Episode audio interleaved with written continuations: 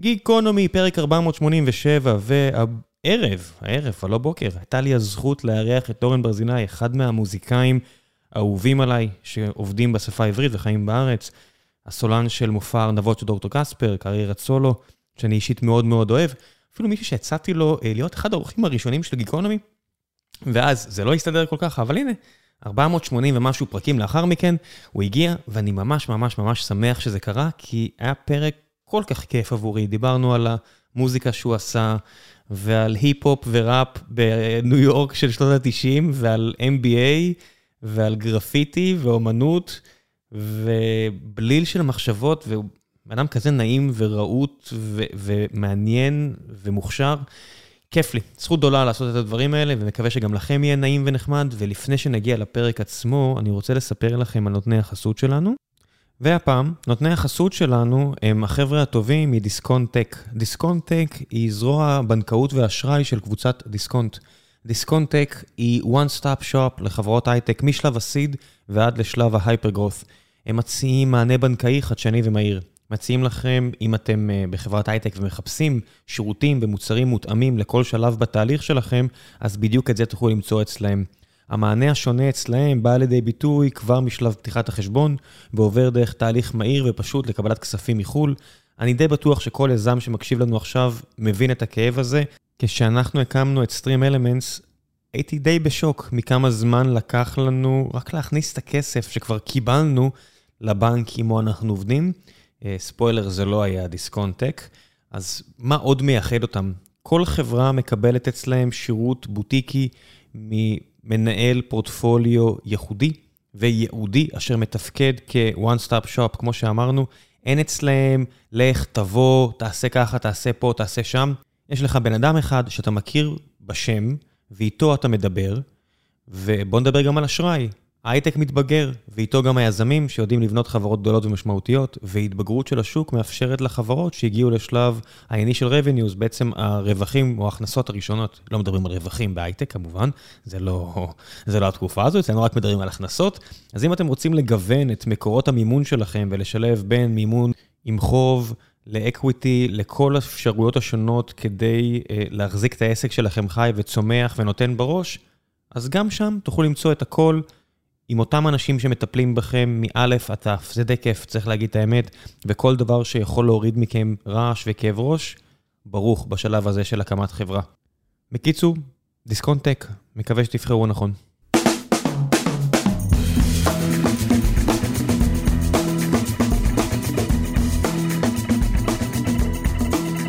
גיקונומי, פרק 487, והערב יש לי הזכות לארח את אורן ברזילי. מה העניינים? אהלן, מה קורה? בסדר גמור, אתה יודע, לפני אה, לא מעט שנים, כן. הייתי בהופעה בבאר שבע, לידי אולי 20 אנשים, מהמם. אתה על הבמה. אתה ו- אני? כן, אתה לבד? על הבמה. לא, לא, אוקיי. אתה והחבר'ה ש- ואתה והחבר'ה מהקספרים, כן. ונשבע לך שזו ההופעה הכי טובה שהייתי בחיים שלי. וואלה. והרגיש לי שזו הייתה אחת ההופעות הכי טובות ש- ש- שאתה הבאת, וראיתי אותך הרבה על הבמה, ודפקת שם באיזה שורה, כי זה היה בדיוק אחרי שיצאת מהאפיסודה הרפואית שלך. בבאר שבע? אוקיי, אני לא ב- זוכר. נראה לי בברקה או איזה משהו כזה. לך, אוקיי, זה אוקיי. יותר מעשור אחורה. אה, אוקיי. עברו שנים. ופשוט נראה- נראית כאילו אתה כל כך שמח להיות שם ומעריך כל רגע. מאוד, אה, האמת שעד היום, כאילו, גם- גם מההתחלה, בהתחלה, בשנים הראשונות עם הקספרים, היה לי פחד במה מטורף. נוראי. נוראי. כשאני מסתכל אחר כך על ה... כאילו על השנים של הקאמבק וגם כשיצאתי מהמחלה כביכול, הפחד במה נשאר, אבל כבר ידעתי איך להתגבר עליו, וגם ידע... כן, אתה פתאום קולט שזה, שזה המגרש הביתי שלך. אז... אה, הרבה יותר אינטראקציה עם הקהל. כן, וגם זה רגע האמת. זה הכל, כל החיים הם בעצם אה, סוג של אימונים לקראת, אתה יודע, לקראת המשחק הזה, זה גיים טיים. שמה, הופעה? כן. ואז זה הדבר הכי חשוב בסופו של דבר. תלוי למי. נכון, יש, יש היום המון המון סגנון של מוזיקה שכבר הופעה זה החלק השולי, אבל... אה, מה זה היום? יש לך, אתה יודע, אמנים אדירים כמו איינשטיין ואחרים. שאין הופעות שלהם. לא רצו להופיע. המוזיקה שלהם זה, זה הרדיו, זה האלבומים, זה הפסי קול של, נכון. של המדינה הזו, ולא, לא, אין הופעות שלהם. נכון, אבל אתה יודע, אתה, ג- קודם כל אריק איינשטיין היה באמת בר מזל ואדם מאוד יוצא דופן, ש, שהצליח לשמר קריירה, לא רק לשמר, גם לעשות קריירה מפוארת ללא הופעות, בגיל אה, יחסית צעיר. מתי הוא הפסיק להופיע? גיל 40 בערך, משהו כזה. אז... אמ, אבל זה יוצא דופן. זה יוצא דופן. כי בדרך כלל הרדיו לא משדר עם הופעות. כן, הוא איכשהו נהיה אה, קנוני כזה. כן. זאת אומרת, אני רואה מישהו כמו ברי סחרוף כזה, שלא כן. יודע מה, אני אתה מכיר אותו מגיל אפס, מינימל קומפקט, ברי, כמו הרבה אנשים בני 40, 50, אתה כן. יודע, זה הגילאים, כן. ואם הוא מפסיק להופיע לרגע אחד, כן. נראה לי זהו, זהו. הוא יישכח. אז אה, זה, זה, אני, אני לא יודע בקשר לברי, אבל אני, אני יכול להגיד לך שבאופן כללי, ברגע שאני מייצר איזושהי, איזשהו רצף של הופעות, שומר על הרצף של הופעות, זה משהו שאתה צריך לעבוד בו כל הזמן, אירוחים, כל הדברים האלו, אז אתה רואה גם את האפקט של זה. אתה רואה את האפקט של זה בשטח, בהשמעות, בדברים שקורים. זה, זה, זה איזשהו גלגל שלג שמזיז את עצמו. ואף פעם לא ממש הבנתי את זה. זה משנה אם זה, אם זה מוזיקה כמו הקספרים, או לא יודע מה, דארק בלו שהוצאת אלבום סולו, אז הייתי רואה אותך במקומות כמו הרצל 12, או כן, כל מקומות כן. כאלה שאתה צריך לצעוק על אנשים שהם בדייט, או סתם מפריעים אוי, לך. וואו, זה היה נורא, כן. כן, אה, אתה יודע, יצא לי לראות אותך בסיטואציות כאלה. אוקיי, אתה, אוקיי, אתה יודע על מה אתה מדבר. חשבתי, לא, עשית מחקר, כן. לא, עזוב, עשיתי מחקר, אני פשוט אוהב מוזיקה ואוהב הופעות בארץ. אז כן. אז יצא לי להיות מספיק, ואני מאוד אוהב את המוזיקה שלך מן הסתם. תודה רבה. אה, ואתה לא בן אדם אה, שאוהב שדורכים לו על ה- על ההופעה. אה, וזה שונה. אומרת, זה- זה לא, זה להפך, אני לא רוצה אותך באנרגיות הגבוהות בדארק בלו, אני רוצה כן. אותך בטון המלנכולי המעניין אז שיש את בגלל האלבום זה הזה. יצרתי בזמנו, אתה יודע, את הפורמט של ההופעות בית, שבעצם אני יצרתי את כל האווירה. הבנתי שאני לא יכול, עד כמה אתה יכול לצעוק לאנשים, כנסו לאווירה.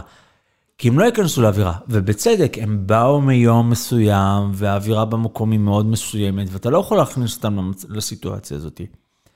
אז ב- ב- לאותו אלבום, ממש לאט, לא הייתי, וזה לא היה בכוונה, לאט לאט בניתי תפאורה בבית, ויצרתי תאורה מסוימת, ושמתי מושבים, בניתי תיאטרון בשביל להראות לאנשים שזה בעצם הסקיצה של המקום שאני מחפש. ואז אמרו לי, זה לא סקיצה, זה המקום. כן. זה, זה בערך באותה תקופה שאתה עושה את זה, זה קצת אה, בני עמה, הפה והטלפיים, כל מיני כאלה שמנסים לעשות אותו דבר, אבל נראה לא שרק. אתה... כן?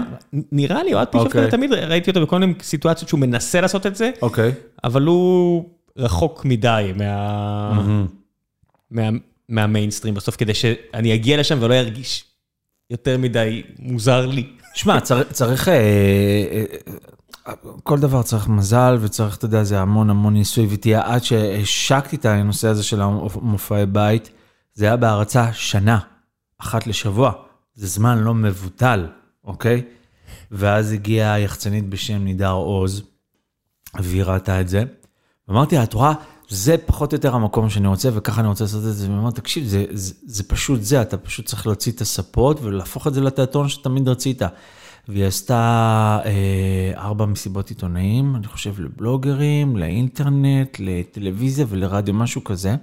ולכל אחת מהם הייתה, לכל מסיבה הייתה, אה, אה, היה מופע, אוקיי? שזה פרזנטציה.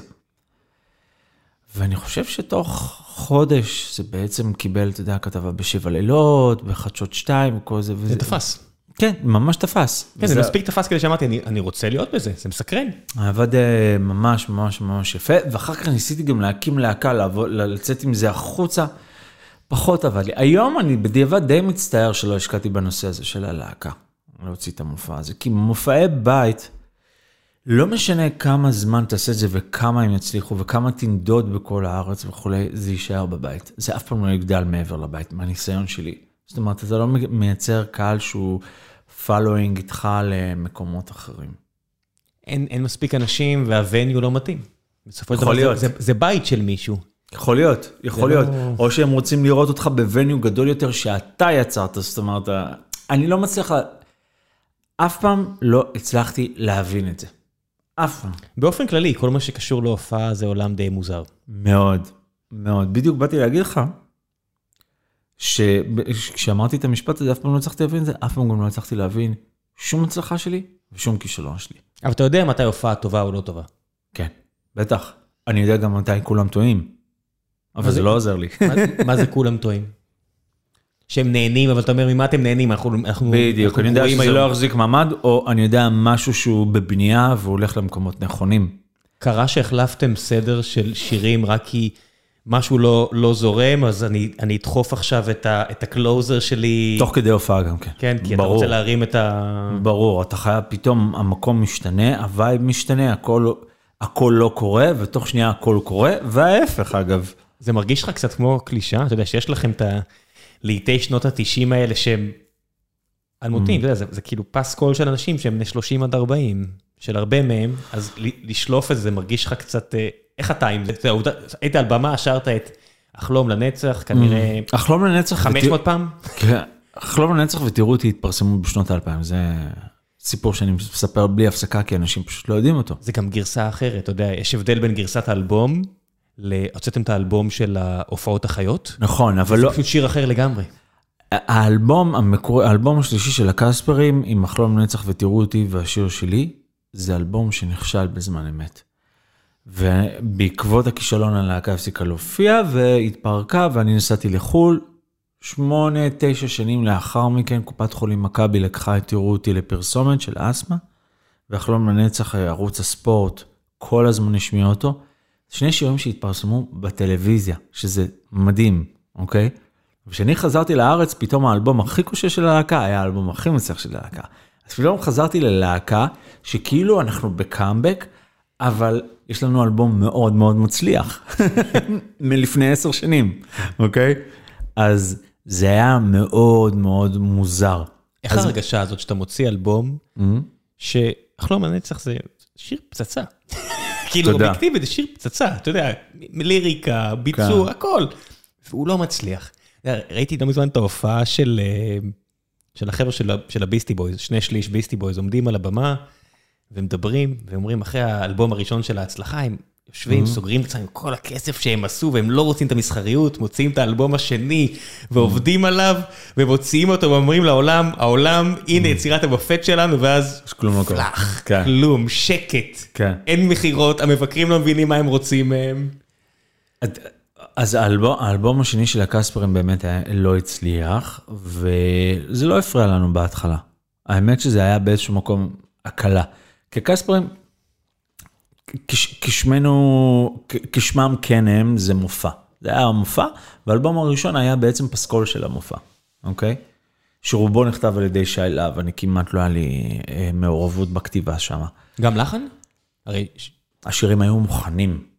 זאת אומרת, הוא מגיע כ- כנגן גיטרה מופלא, אה, שייקה, שייקה. כתב את השירים, את העיבודים, את כל הדברים, אני הוספתי פה אה, line, שם line, זה, זה כל סיפור. אה, אה, אתה יודע, את שמלה אדומה, אה, את החלק שאת לא מבינה, זה אני הבאתי, אבל אה, אה, כל יום, שרה בצבעים, את כל ה... אתה יודע מה? בוא נגדיר את זה ככה. היסודות של האלבום הראשון זה שי להב, אוקיי?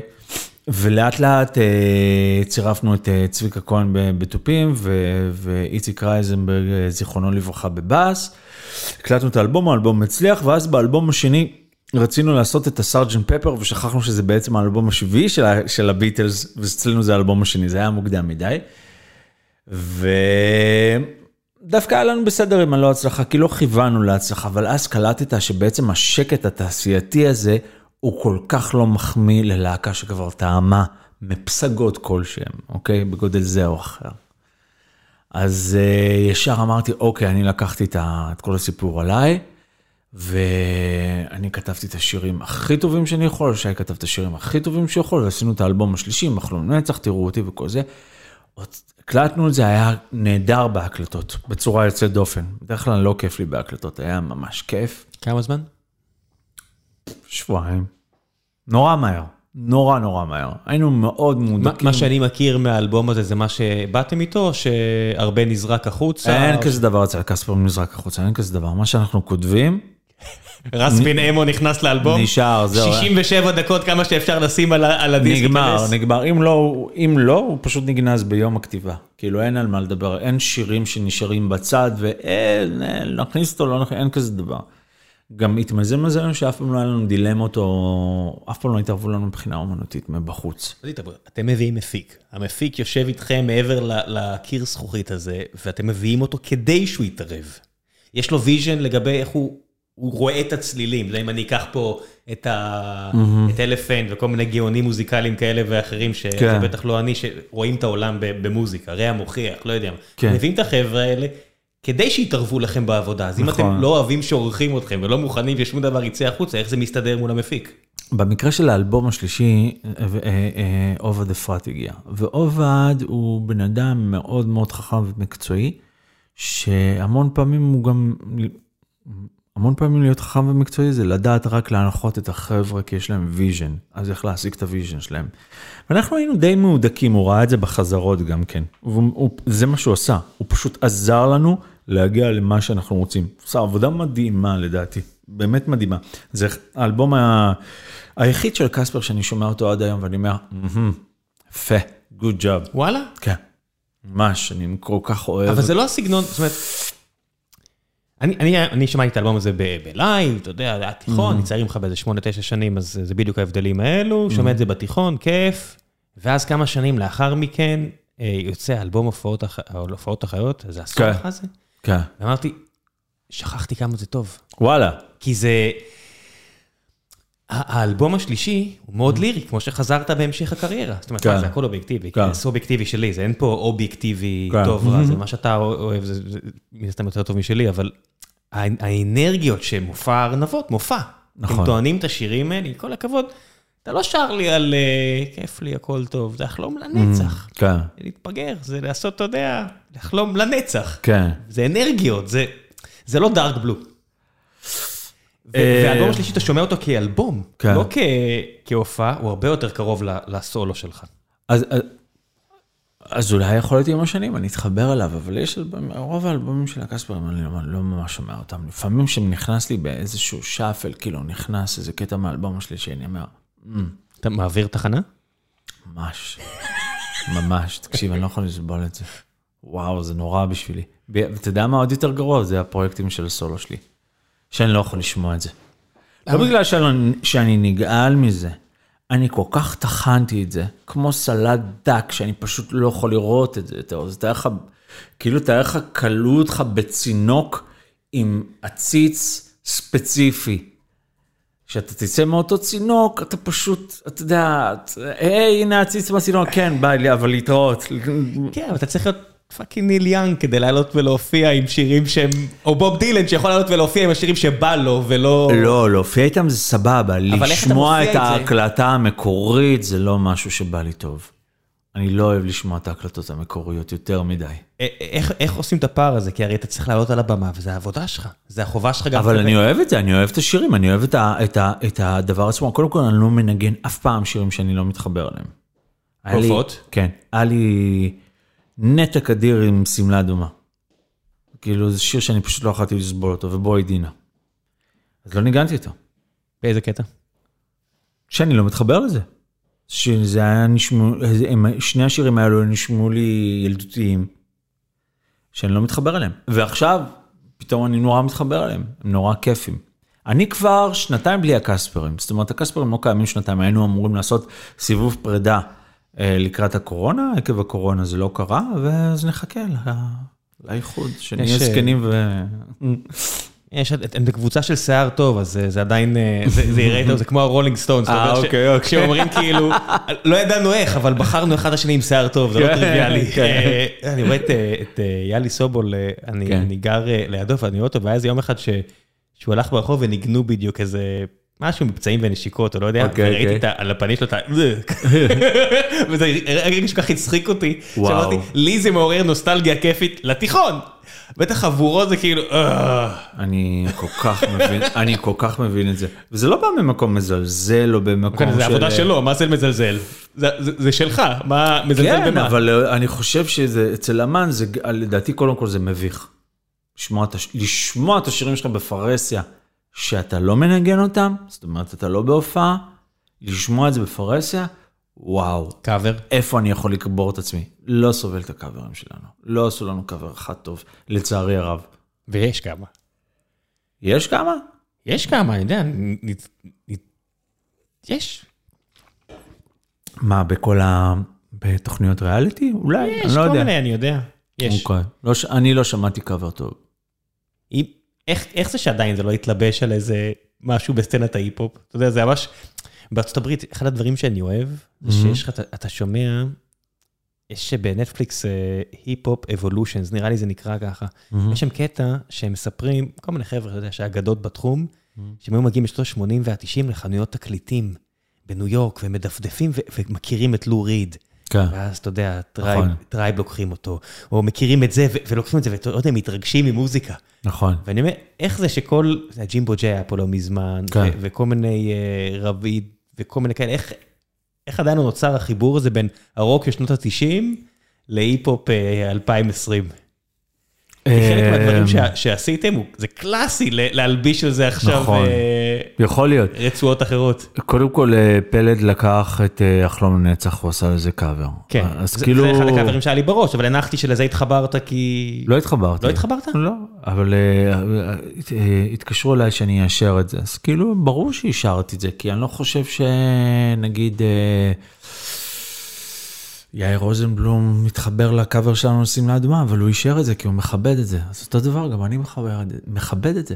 מאוד מאוד מכבד, צריך לכבד אמן, זה הגרסה שלו, ככה הוא רואה את זה, הוא עושה את הגרסה הזאת כי הוא מכבד אותך, אז תן כבוד חזרה, סתום את הפה, הדעה שלך כרגע לא רלוונטית לנושא, ותמשיך הלאה. הרגשת אז- קצת אה, אירוסמית עם Walk This Way? אה, לא, לא, לא, לא, לא, לא, לא, לא, אני, תשמע, אני, אני מת על פלד, הוא גם עשה דרך מדהימה, אתה יודע, כאילו לבנות מיני אימפריה מכלום, בלי עזרה של הרדיו, 100% רחוב, אז כאילו, וואו, זה מדהים.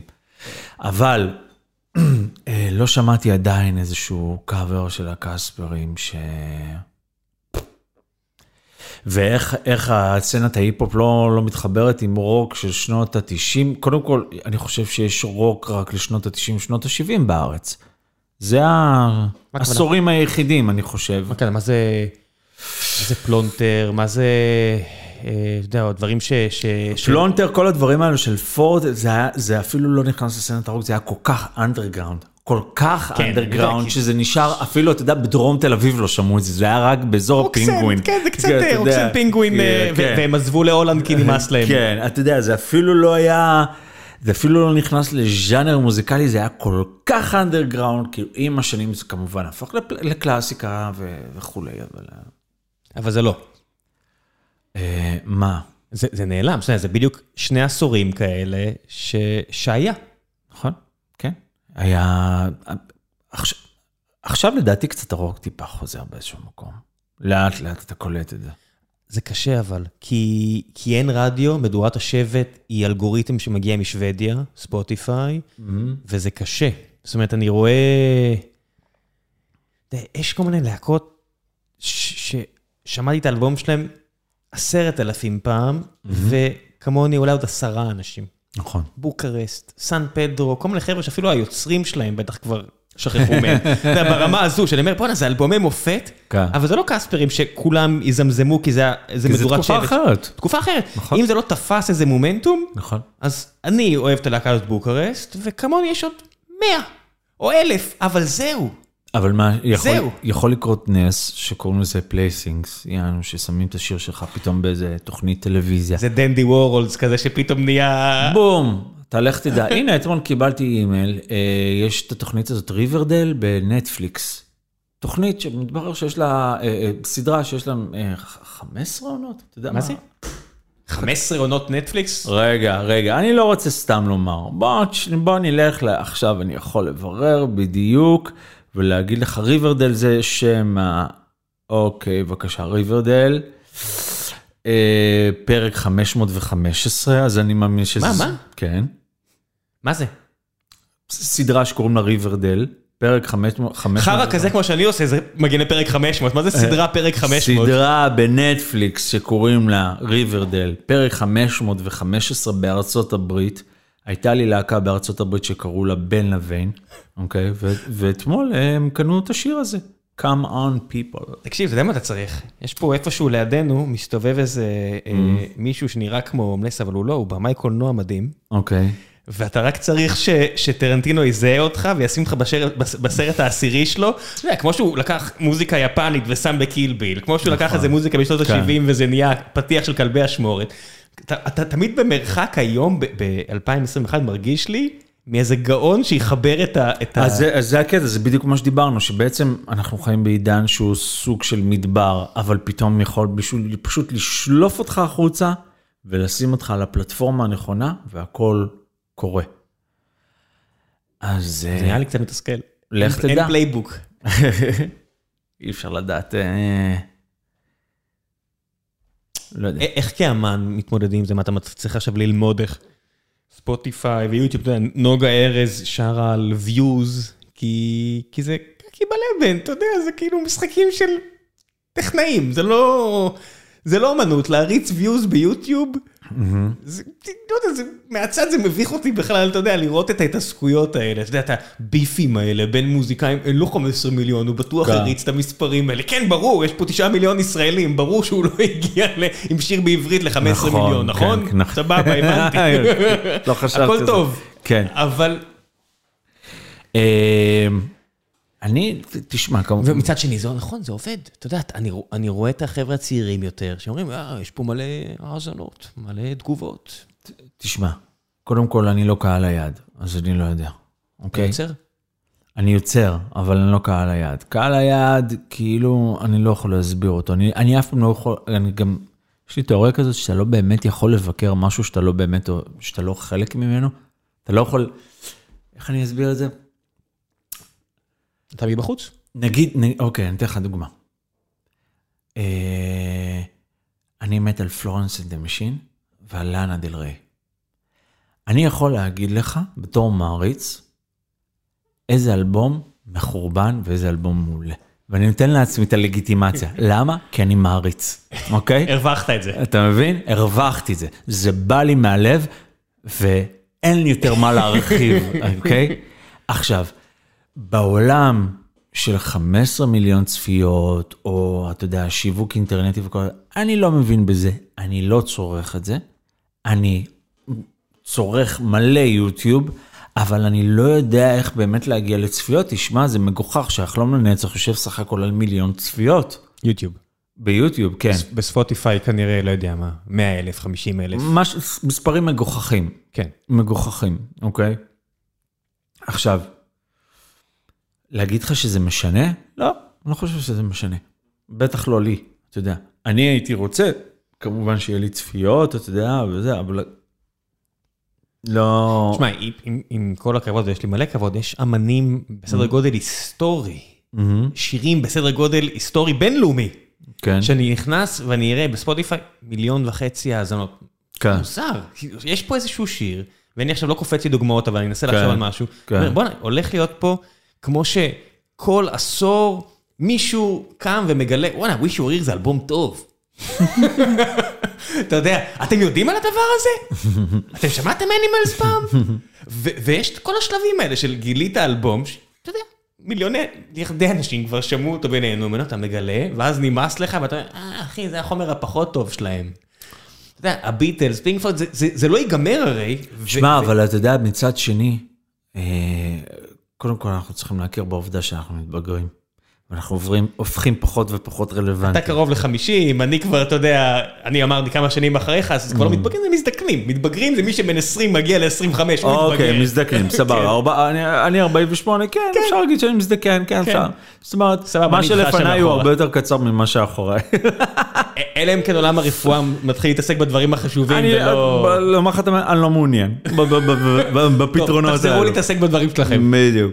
אבל, מצד שני, אני יכול להגיד לך שנוצרו פה בשנים האחרונות בעולם כמה קלאסיקות שהן לדעתי שוות ערך לאנימולס ולכל הדברים של פינק פלויד, וכל הקלאסיקות שיצאו משנות ה-70. אלבומים או שירים? בטח, אלבומים.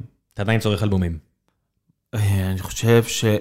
אני בתור אמן, אני בספק שאני אעשה יותר אלבומים. אין לי סבלנות לזה. אבל אני צורך רק אלבומים. רק אלבומים.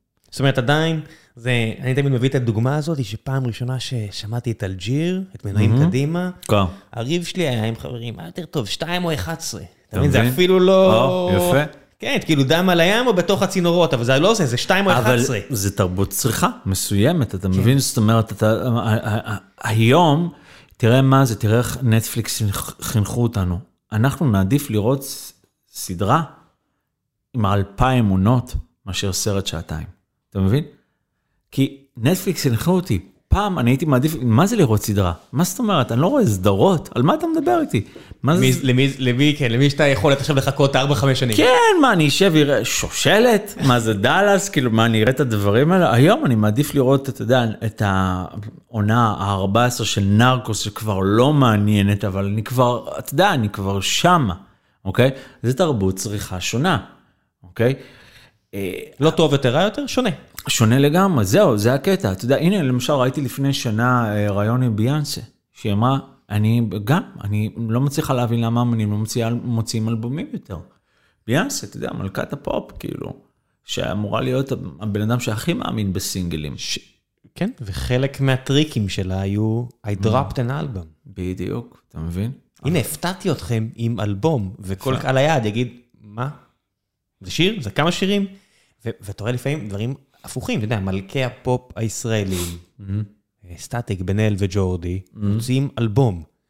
ואתה רואה, מי שלא התרגל ליצור אלבומים, כמה זה מרגיש עוף. אומרת, אתה מכיר? כן. מפיק גאון. יש להם אלבום? יש להם אלבום. באמת? כן. אוקיי. כי, אני לא יודע אפילו מה, אתה יודע, הוא מוגדר כאלבום. אוקיי. זה משנה למישהו? זה משנה משהו? לא, אני לא אומר את זה בצורה, אני לא ידעתי פשוט. אני אומר, אני- אוקיי. אני מסתכל על זה, זה כן. עניין אותי ההחלטה הזאת להוציא אלבום. זה קצת כמו שאנחנו פה בחברה, בסטרימנט, מתעסקים עם יוצרי, אה, יוצרים ברשת. אוקיי. כשאתה מתעסק עם החבר'ה האלה שיש להם 40 מיליון עוקבים, מהמם. הם אומרים לך, תגיד, אתה יכול אה, להכניס אותי אולי לקמיאו בסדרה ההיא וההיא או הסרט? ואז יודע, אנחנו בלוס אנג'לס, אנחנו נשב עם איזה כוכב כל מפורסם, ומה הוא אומר? תגיד, איך אני יוצר ערוץ יוטיוב שאני יכול. להגיע לאנשים? כי יש לי את הכבוד של המבקרים, אבל אני רוצה גם את הפייפר מאני, them paper money. ואתה אומר, אתה רואה איך לכולם רוצים את הדבר האחר, אתה יכול להיות ג'ורדי, נכון. ובן אל, ובא לך את הרקוגנישן של אלבום גדול. בדיוק. אבל זה קשה. זה עוד משהו. זהו, אבל אני חושב שלדעתי, אם היה לי את הסבלנות, אני חושב שהיה לי הרבה יותר קל לעשות אלבום מאשר לייצר סינגלים. באמת, כי אתה נכנס לזה. ובנוסף לזה, אני אה, בשנה האחרונה נזכרתי איך היינו מקליטים אה, את כל, ה, את כל הטקס שלפני האלבום, שזה בעצם רצף של חזרות של שבועיים, שאתם... איסוף החומרים ועבודה על התפקידים וכולי. אבל, אבל, לא, ואז אבל ההקלטות? הקלטה זה לא הופעה חיה. אתה לא באמת מנגן ביחד, כל אחד עושה את הערוץ שלו. נכון, אבל להחליט על התפקידים ולהרגיש אותם, לא לשמוע אותם, להרגיש אותם, שזה הבדל מסיבי.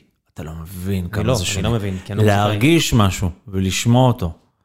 יש לראות, יש לשמוע ויש אבל להרגיש. מה זה תפקידים? אתה שר, תפקיד, אני- שי מנגן. כן. מה, מה, מה זה, מה זה... מה התופים עושים שם?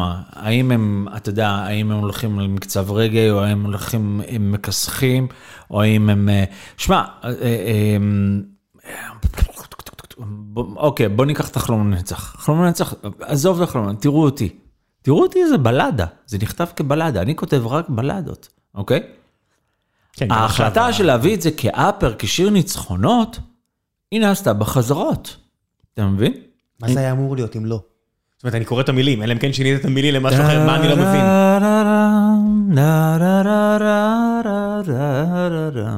זה נורא עצוב.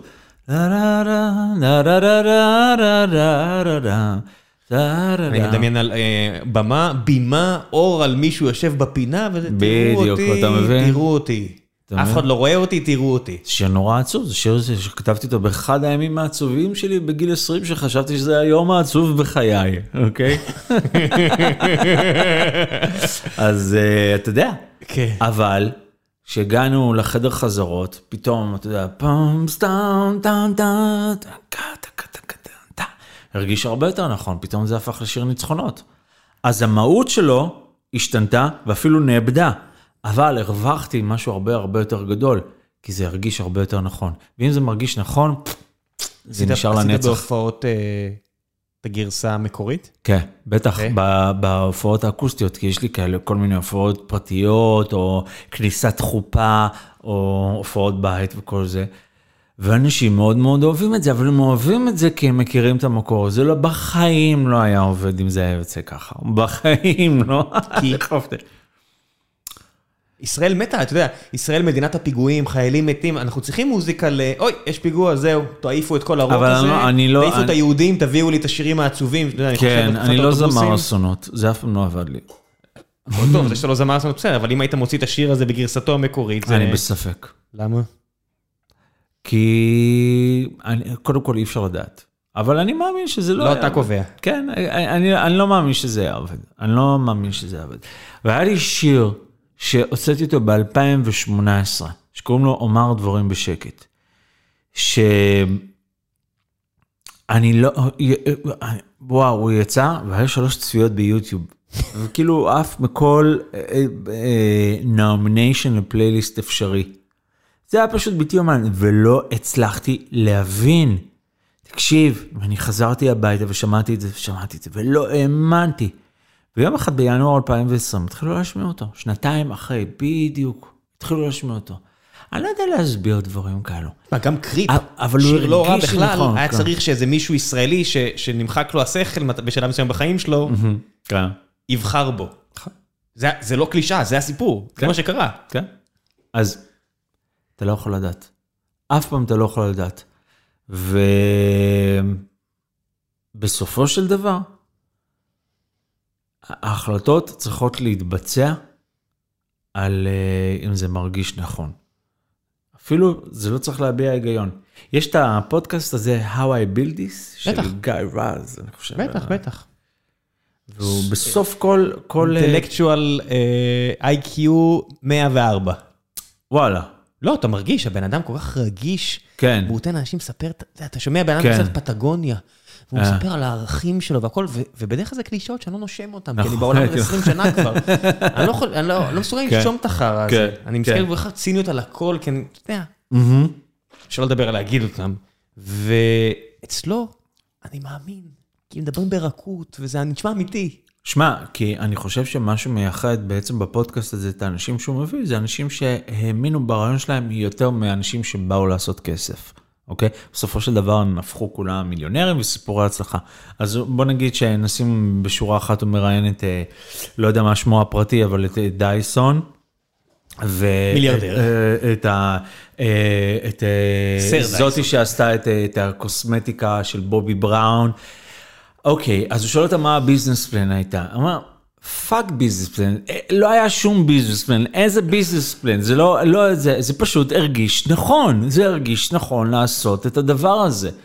אז אה, אתה יודע, דייסון הזה אמר, לא יודע, הבית היה ממושכן, אני נשוי עם שלושה ילדים, אבל לא, הרגיש נכון להשקיע בשואב אבק, מה אני אגיד? וזה, וזה ה- ה- הגרעין של הדברים. זאת אומרת, כאילו אם אתה ת- ת- תבוא ותגיד, תשמע, תספר לי על פלאפל, אוקיי? בתור ביזנס פלן. אני אגיד לך, תשמע, וואי, זה נורא. זה פשוט נורא, זה לא יעבוד. אבל אם זה מרגיש לך נכון, אני אקח ביס בסופו של דבר, ואני אגיד, "אתה- אני לא יודע להסביר פלאפל, אתה יודע להסביר פלאפל? אני לא יודע להסביר פלאפל.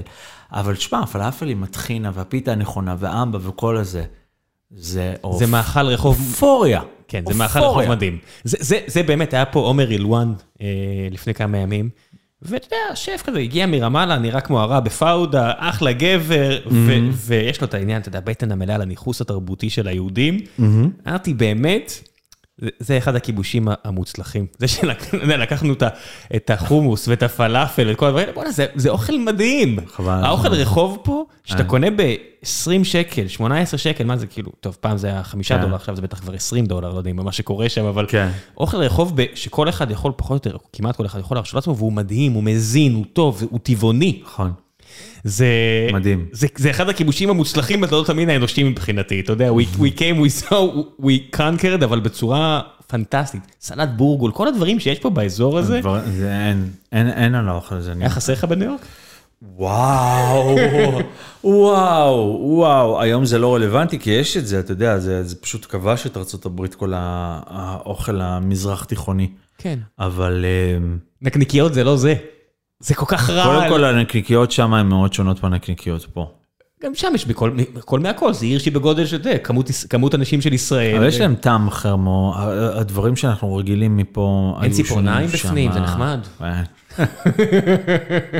הלכתי פעם אחת לנייטנס, איך קוראים לנקניקיות המפורסמות? נייטנס יש כזה, יש להם איזה חנות שהיא- שזה קלאסיקה, קלאסיקה.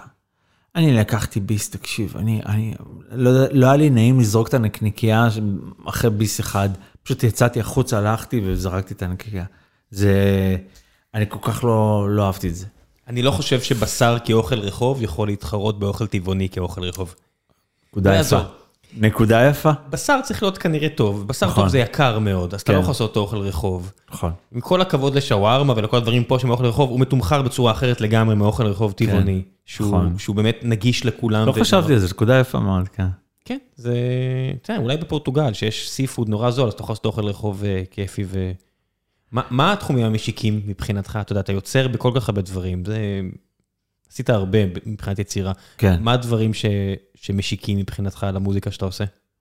מה הכוונה? אמרת, תפאורה אני עושה, נכון? כן. אז מה נקודת השקה? הרי אוכל זה לא, זה לא נקודת השקה מבחינתך. מה נקודת השקה? הרבה יוצרים, אתה יכול לצייר כזה מפה, מה המדינות ליד המדינה העיקרית שלהם. אוקיי. זאת אומרת, אתה יכול להגיד הגבלות לדברים שאני עושה, או תחביבים, או... אז לא, נגיד עומר אילואן הזה, ש- שציינתי, אז הוא הגיע מעיצוב גרפי, אז הוא אומר, אני עדיין עושה את התפריטים. עדיין, אה, הוא זה... גרפיטי. שלו- גרפיטי? גרפיטי. כי זה קולאז' של אומנויות. ואני. איך הגעת לזה? אתה יודע, גדלת בחולון, לא בדיוק בירת הגרפיטי המדהים, זה לא... נכנסתי לאומנות רחוב כשהייתי בניו יורק. פשוט קלטת שזה לא אה, שמעון היה פה? זה הרבה... כן.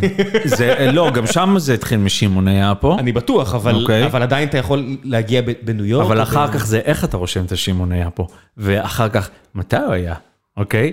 והאם זה שמעון, אתה מבין? שאלות כאלו, ואחר כך פתאום בעצם דברים שלמשל, נכנ... אה, אה, אה, אה, נכנסתי לצורת כתב אמיתית, מה שאנחנו קוראים לו פונט היום, אוקיי? אבל יש צורה טיפוגרפיה. ופופ ארט, אוקיי? זה התחיל מאנדי וורהול. וזה זה מסתיים ברחוב וזה חזר ל- ל- למוזיאונים ובלה בלה בלה בלה. בלה. אז הקולאז' של השילוב של האומנויות זה הדבר שאני יכול להגיד שאתה יודע מגביל משיק איך שאתה לא רוצה לאל זה מאוד ערבי. זאת אומרת, ערבים תמיד אה, קיליגרפיה? קליגרפיה? איך זה נקרא? יודע. הכתב, שאתה יודע, אצלם האמנות זה הרבה הכתב עצמו. טוב, עכשיו בטח אנשים צועקים עליי, על זה. על הבורות שלי. ו... אני מת על זה אני חושב שזה זה אומנות מדהימה. כן, זה מדהימה. מאוד עדין, זה מעביר, מ- אתה יכול להכניס שם מסר, אתה יודע, שאתה רואה כן. ציור אבסטרקטי, אין צריך מישהו יבוא ויגיד לי מה הוא רצה, כי אין שום סיכוי שאם אני אראה ריבוע צהוב על רקע לבן, כן. כל הכבוד, אף אחד אני לא קונה, אם מסבירים את הסיפור, אני יכול להעריך אותו. וגם, סליחה שאני מפסיק אותך, אה, היפ-הופ עד, לא, גם היפ-הופ מודרני, היפ-הופ. זה ש, פשוט שילוב של אומנויות. שילוב של כל כך הרבה אומנויות. בגלל זה היפ-הופ זה המוזיקה שאני הכי אוהב, מאז ומתמיד. אני בחיים לא אעשה את זה. כי? כי אין לך את ההרגשה? אתה מתבייש? שמע, בארצות הברית אני קודם כל הפקתי ראפרים, הייתי עושה את הביטים, אוקיי? זה כל מה שעשיתי. רגע, היית שם אה, סוף שנות ה-90? הייתי בסוף שנות ה-90 עד 2005, 6, משהו זאת אומרת, כזה. סוף שנות ה-90 זה זה עידן אה, קצת אחרי... אה, הייתי שנה- ביגי, נאס בשיאו, בניו יורק. אה, וואו, וואו, אני יכול להגיד לך מה, פוקסי בראון, ג'יי זי הוציא את אה, hard knock life, פתאום הוא הפך, 99 אתה יודע, problems, but... 99 problems זה היה כבר... כמה שנים לפני כן. בסוף, אה, אה, נוריאגה, Mobb Deep, אה, אה, מה עוד היה? אה, אה, אה, אה, פארל, אה, ה Neptunes יצאו, ה Neptunes היה להם, הם עשו 80% מהפלייליסט ב...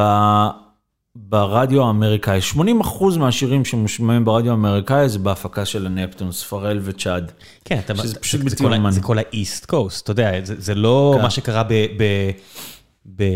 לא יודע מה, בניו אורלינס, ליל ויין וכל מיני אנשים שמצליחים לחרוז מילה בעצמה. אז אני הייתי כמה שמה- גאוני או טיפש אתה צריך כן. להיות כדי לחרוז מילה עם אותה מילה. זה...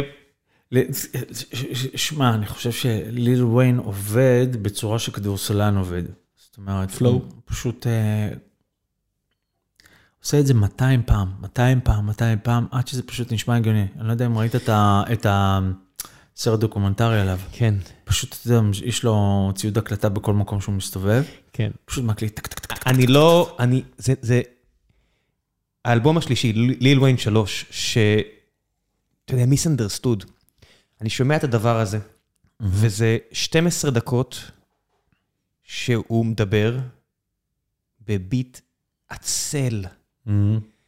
שאני אומר, מה, מה, איך, איך נוצר דבר כזה מושלם? איך, איך, איך, איך השכינה מביאה לך את הנשיקה וזה קורה, ואז אתה אומר, נכנסתי, הוצאתי, יאללה, טה, טה, טה, פה, פה, פה, חצי יום, זה מה שיצא, ואתה אומר, אני לא יודע, זה מוזיל את זה, זה מפאר את זה. אתה יודע, זה, זה משהו שכל פעם שאני אגיע לטרק הזה, שסוגר את שלוש, אני אומר, זה מושלם. זה ללוש, מושלם, ללוש. זה מושלם. איך, איך זה קרה? איך הוא פשוט נכנס ומוציא את זה ועובר הלאה? אתה יודע, כאילו, אתה מרגיל את הראש שלך. קודם כל, אני חושב שיש מישהו מעל ליל ויין, כאילו, בכל ה... זה ג'ובנייל, אני לא יודע אם אתה זוכר אותו. המפיק. לא, לא, לא, לא, לא, לא. זה, המפיק זה בני, בני, שכחתי את, השם הבמה שלו. אז מי זה ג'ובינייל? ג'ובנייל היה, הם כולם היו בקאש מאני, אוקיי? הם כולם יצאו מקאש מאני. קאש מאני, שזה הלייבל הראשון מניו אורלינס, אתה יודע, בירדמן ואח שלו. משהו כזה, אוקיי? והם, אה, לידל ויין היה חתום שם שהיה בן 13. ואז בעצם הפריצה שלהם היה מאמן שקראו לו ג'ובנייל, אוקיי? והלהיט קראו לו ה, H-A. ו... כן, זה, זה לא הליריקה של, של, של ניו יורק ברוקלין, זה... וואו, תקשיב, אני ראיתי את זה, אני הייתי, התלמדתי בדב-ג'ם בחברת תקליטים באותה תקופה, אוקיי? והיה שם חדר עישון, ובחדר עישון היה טלוויזיה, והיה BET, הערוץ של הראפ, דלוק, כן. כל הזמן. אז הלכתי, ישבתי שם, אני לא יודע, שתיתי קולה או משהו כזה, וראסל סימונס ישב לידי, ראסל סימונס, אתה יודע, האגדי, אה, לאלו שלא יודעים, הוא המ- הוא ו- וריק רובין הקימו רובין, את אה, דב-ג'ם. וראינו את, אה, פתאום עלה השיר הזה של ג'ובנייל. וראסל סימונס, בחור שחור אמריקאי, born and raised בארצות הברית, אומר, what the fuck is he saying? הוא לא הבין מילה ממה שהוא אומר. זה הצחיק אותך? או שהרגיש לך הקלה ש... אני לא, אני גם, אני, זה, אני, זה סלרינג, זה לא- הצלחתי לא- להבין כן. שיש הבדל, פעם ראשונה, זה הפעם הראשונה שהצלחתי להבין שמה שדיברנו עליו לפני שאני חושב שהתחלנו להקליט, שיש הבדל בין אזורים בארצות הברית, שיש להם ממש מבטא כבד, או תרבות אחרת, והחבר'ה מניו אורלינס ממש יש להם מבטא סופר מוזר. לידל ויין הוא דווקא בחור מאוד אה, אה, אה, נאור, קוהרנטי נקרא לזה. כן. לא לא יודע אם נאור, אבל קוהרנטי. שמע, בואנה זה היה אחד הדברים הפסיכיים, זה עד היום שיר שאני שומע אותו, ואני לא מאמין כמה שהוא טוב, וכמה שהוא הארדקור. אתה רואה את הקליפ הזה, עשה לי טובה, תחזור הביתה לפני שאתה הולך לישון, זה עושה לך סיוטים אבל נהדרים. תקשיב, זה כל כך הארדקור, וגם כשאני ראיתי את זה, זה עד היום נראה לי הארדקור, אבל כשאני ראיתי את זה פעם ראשונה, אני זוכר שכל החבר'ה בדף ג'ם, כל החבר'ה, הייתי הלבן היחידי, עמדו שמה, וכולם הרגישו טיפה מלוכלכים. אתה לא יכול להיות הלבן היחידי, כי ריק רובין די לבן, אבל בסדר. לא, רובין לא, רובין כבר היה שנים מחוץ לעסק, רובין מכר את החלק שלו לליאור כהן, שאני הייתי שם, ליאור היה שם, אז ליאור היה, כן, ליאור. ב- ו- ותקשיב, זה היה פסיכי. אבל מי האמין, אני זוכר שראיינו אותם, את כל קאש מאני, וכאילו ישב שם ליל ווין, אז הוא היה, בעצם היה הגימיק, הוא היה הכי צעיר, והוא גם ירה לעצמו ברגל, אז כולם צחקו ובלה בלה בלה, זה גימיק. מי היה מאמין שהוא יהיה אחד הכוכבים?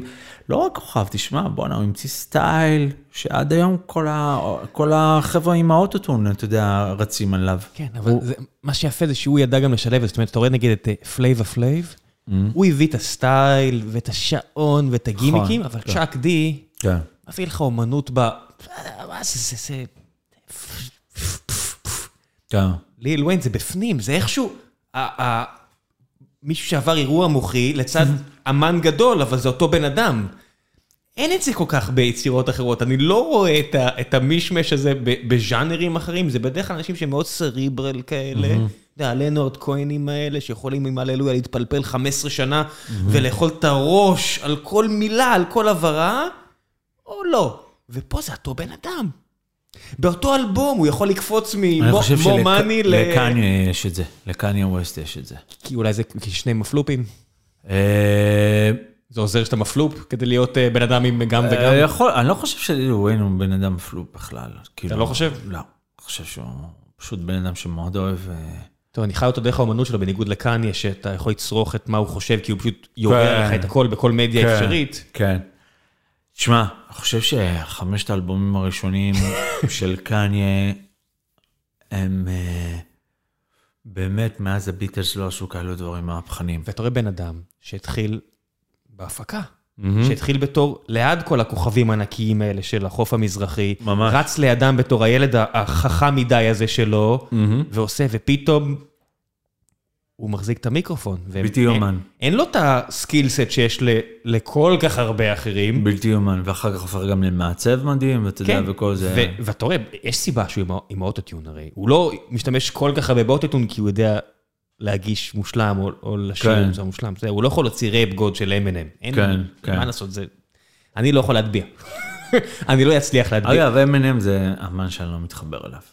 כי זה לא. טכני מדי עבורך? לא יודע, לא, אתה יודע, לא, מרגיש לי, לא מרגיש לי. אתה לא קונה את זה? לא, לא, לא, לא, לא, אני קונה את זה מאוד, אני חושב שזה סופר אמין, אני, לא, אבל לא, לא יודע, לא מרגיש לי. סיפורים מדי? אתה יודע, זה, זה לא... זה, זה סיפורים. היה, היה פעם, אה, כל יום, כל יום ראשון היה, הי- הייתה את תחנת רדיו שקראו לה Hot 97, והייתה שם תוכנית, whatever, לא יודע, לא זוכר קוראים לה. ושמעתי פעם ראשונה את אמינם עושה שם פרי סטייל, זה היה בלתי יאומן, אוקיי? 97, 96. באיזה שנה? כן, משהו כזה. 98, 99, כן, טוב. 2000, לא זוכר. ממש בהתחלה. מאוד נושק ל, ל, לפריצה שלו. יכול להיות שזה כבר, הסינגל היה בחוץ, אני לא זוכר, אוקיי? וזה היה מדהים. אבל אחר כך שיצא, "Oh, my name is, אני לא מתחבר לזה, לא כי יודע. אתה- כי אתה רואה שהגיעו המפיקים, אבל זה. דוקטור דריי, זה נכון. מדהים. אבל אתה רואה שמגיע בן, כמו ג'ורדי כזה, בן אדם שהוא כל כך בסינק על איך ליצור לעיתים. אין לך, כאמן שעובד עם אנשים כאלה, אני חושב את הפריבילגיה לא להוציא להיט. אין לך, כי הוא יגנוז את זה, זה לא יצא. בסדר, אבל גם אה, אה, קנדריק למר מייצר לעיתים. אני לא חושב שיש דוקטור דרה באמת נכון, מעורב אין ב- לו, כן, כן. זה אתה נכון. מבין? כן, זה אתה צודק. מי ייתן לו לעשות כן. סקיטים כאלה, כמו כן. קנדריק למר הראשון, שפתאום ברני מק מדבר, ואתה "מה- אני שומע פה? מה- מה מה זה הדבר הזה? מה זה זה האלבום ברני הזה? מק? באמת? ברני מק, באחד הסקיטים באלבום הזה, כן. ב- איזה אלבום זה? זה פשוט בלתי יאומן, אנחנו מדברים על good kid. כן, good kid mad, כן. ו... כן, זה ברני מק. אם- אני די בטוח שזה ממש לפני שהוא הלך לעולמו, זה ברני מק אם אני לא טועה, ואתה יודע מה לא, ברני מק זה זה קניה ווסט. זה קניה ווסט, נכון, קקי זה מבלבל, אני יודע על נכון, מה אתה נכון. מדבר, כן, כן. אוקיי, אז בהתחלה שם, כן. שהוא שהוא מתקשר לדודה שלו, כן. וזה לפני שהוא שודד, ואתה אומר, אני, אני לא, מה זה? כן. אני לא, איך הדבר הזה, זה, כאמן זה מדכא? כאילו, אתה אומר, אני לא יכול להוציא דבר כזה, זה לא, זה כמו לשחק כדורסל רואה את זה לברון כל ג'יימס. כך לא מדכא, אני אסביר לך זה נותן למה. השראה? זה כל כך נותן השראה, אתה אומר, אתה יודע, בוא אני אסביר לך, איפה אני היום בחיים שלי. אני היום בן 48, עוד חודש 48 וחצי, אוקיי? עכשיו אני אומר, אתה לא בן ארבע, אתה לא יכול להגיד וחצי, מה זה וחצי? וחצי, אני יכול להגיד 48 בסדר, אתה יכול וחצי, אני. אעשה מה שאני רוצה. שאני רוצה. You're not my dad. בדיוק. ואני היום עובד באיך להמשיך לעניין ולהישאר סקסי, לא במובן סקסי של sex appeal, אלא לעשות דברים שהם עדיין appealing מבחינה אומנותית, מעניינים וכל זה. ואני שובר את הראש על הדבר הזה. וכל דבר שהוא יוצא מבחינתי, שהוא groundbreaking, הוא לא מדכא אותי, הוא פשוט גורם לי לשנס מותניים עוד יותר ועוד יותר ועוד יותר ועוד יותר. יש צמד צרפתי שקוראים לו The Blaze, שאני מת עליהם. והם אה, עושים מוזיקה אלקטרונית.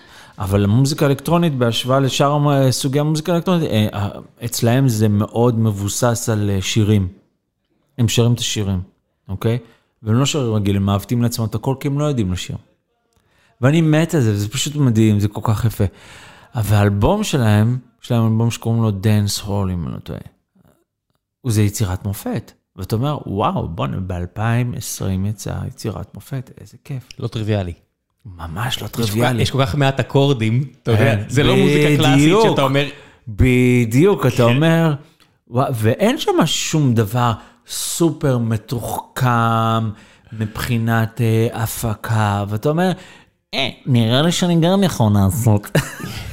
אתה מבין? כן, אתה יודע, רביד פלוטניק הוציא אלבום, ואני אומר, בואנה, השיר הפותח זה קצת, לא משנה, ואני כאילו מברר, אני שואל כאילו, קצת להגיע, נפיק, אה, כן, יכול להיות, בסדר, אחי, יש מעט מאוד אקורדים, אתה יודע, הרבה דברים יהיו נורא דומים להרבה מאוד דברים אחרים, כן, נכון, בסדר. זה, אתה יודע, כל השנים האלה שהאשימו פה את משינה בהעתקה ממדנס והכל, ואני אומר, חבר'ה, מי שממש אוהב מוזיקה ויש לו השכלה מוזיקלית, יישב באופן, יגיד, כן, זה כמו זה, זה כמו זה, זה כמו זה, כי מה לעשות, אתה יודע, אין כזה מגוון, אז יחפוף. ברור, ברור.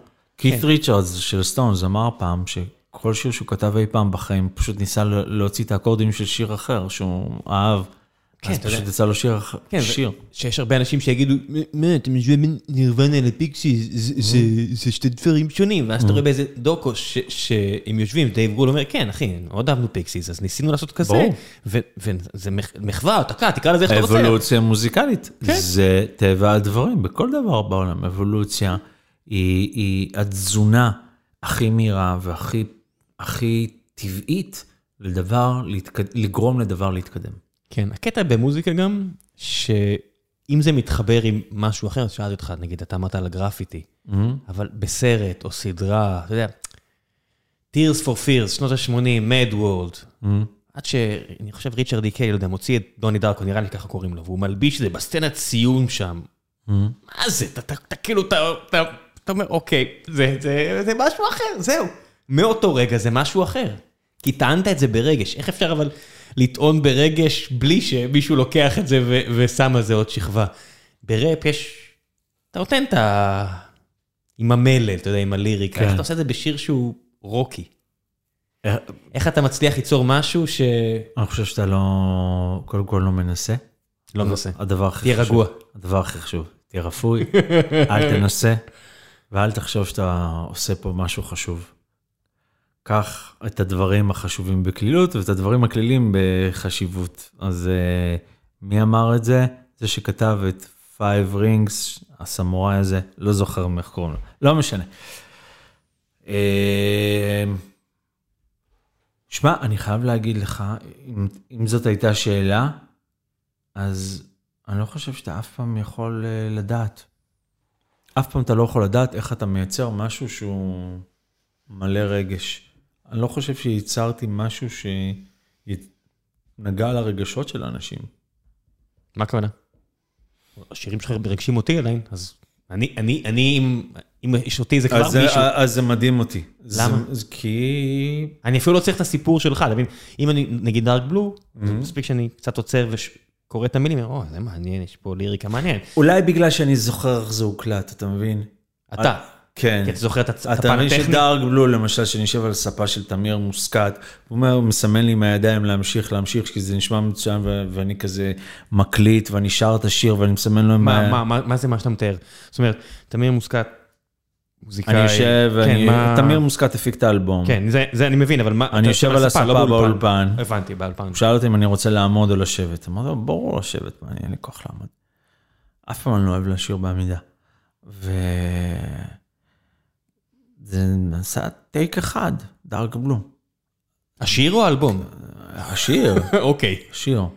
זה אחד האלבומים היחידים שעשיתי כמעט טייק או שתיים. כי שאר האלבומים שאני עושה זה 400 טייקים. כל לכל שיר. דבר, כן. 4,000, אוקיי? כי זה לא טוב? כי... לא יודע למה. כי אני לא מרוצה, אוקיי? זה סתם דוגמה, תראו אותי, רק השירה תשע שעות הקלטתי את זה. אתה יודע מה זה להקליט שירה תשע שעות? לא. זה פסיכופתי. אין כזה דבר, מי מקליט ומה שירה? שנלקח זה הטייק השמונה וחצי שעות או החצי שעה הראשונה? אתה יודע מה? אני כבר לא יודע אם מישהו יודע מה נלקח בסופו של דבר, זה פשוט סיימנו את זה וזה יצא וקרה עם זה מה שקרה.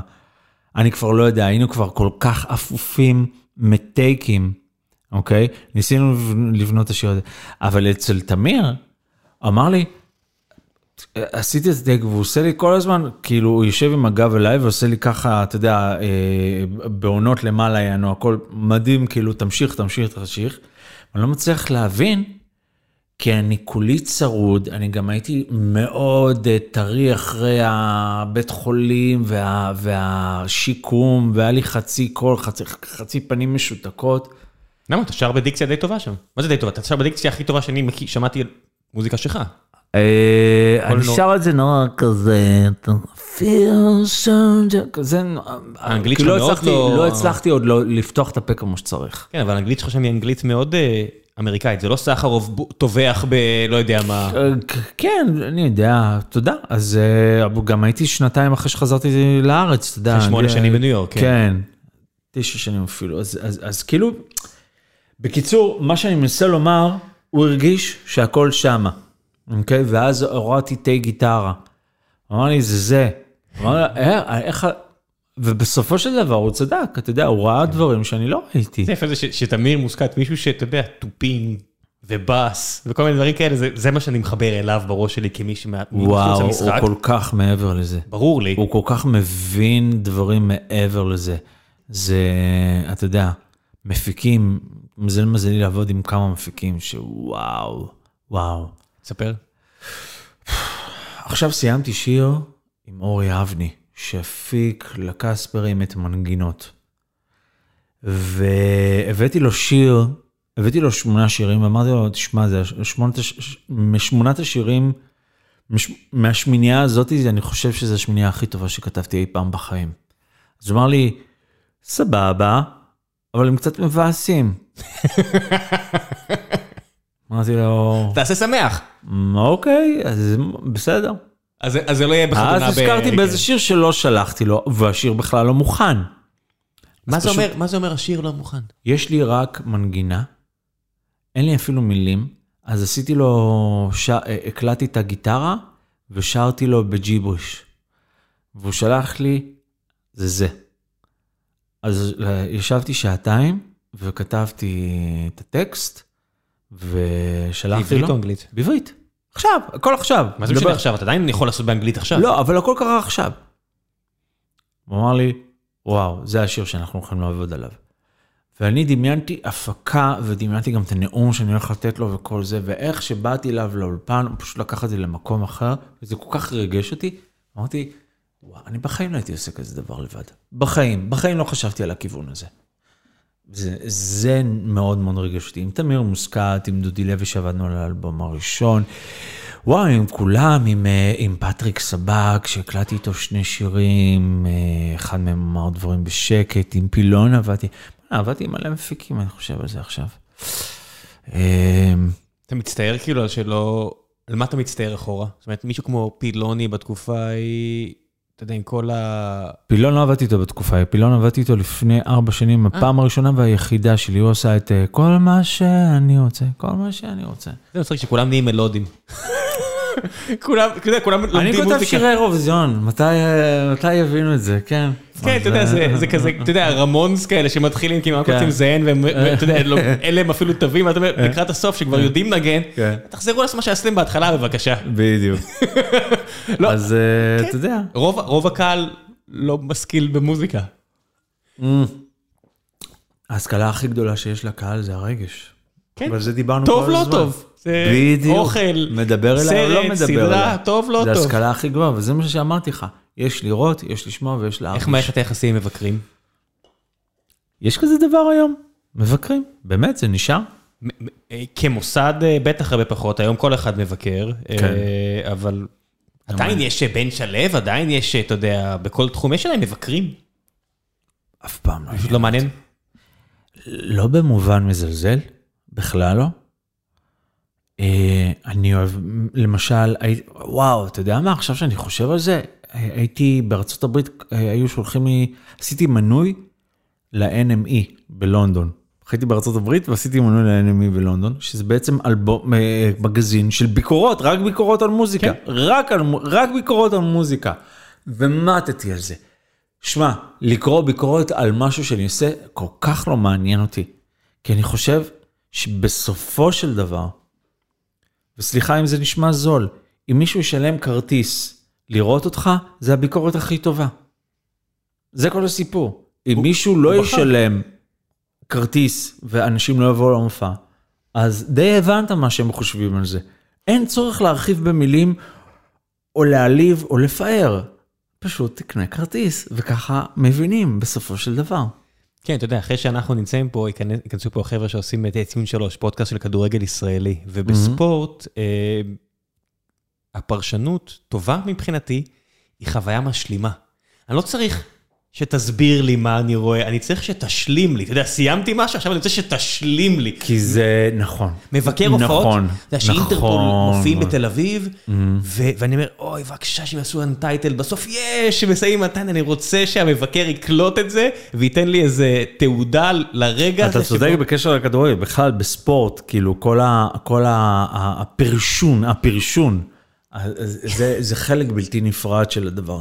זאת אומרת, בוא נגדיר את זה ככה, וואו, זה, זה כל כך מעניין מה שאמרת. אם אני אפתח Champions League, אוקיי, שלישי או רביעי, ואני לא רואה את, ה, את, את מודי ואת כל החבר'ה מקשקשים על המשחק לפני, המשחק לא יעניין אותי כמו, אתה יודע, אתה מקבל פתאום פרספקטיבה אחרת על הדבר. אני אומר לך, יש פה חבר'ה, וזה fucking כדורגל ישראלי, זה לא ספורט, זה בקושי, כן, אתה יודע, כן. כמה שאני אוהב את זה ואני מנוי אותו קבוצה כבר 20 שנה, ו yada yada yada, או יותר.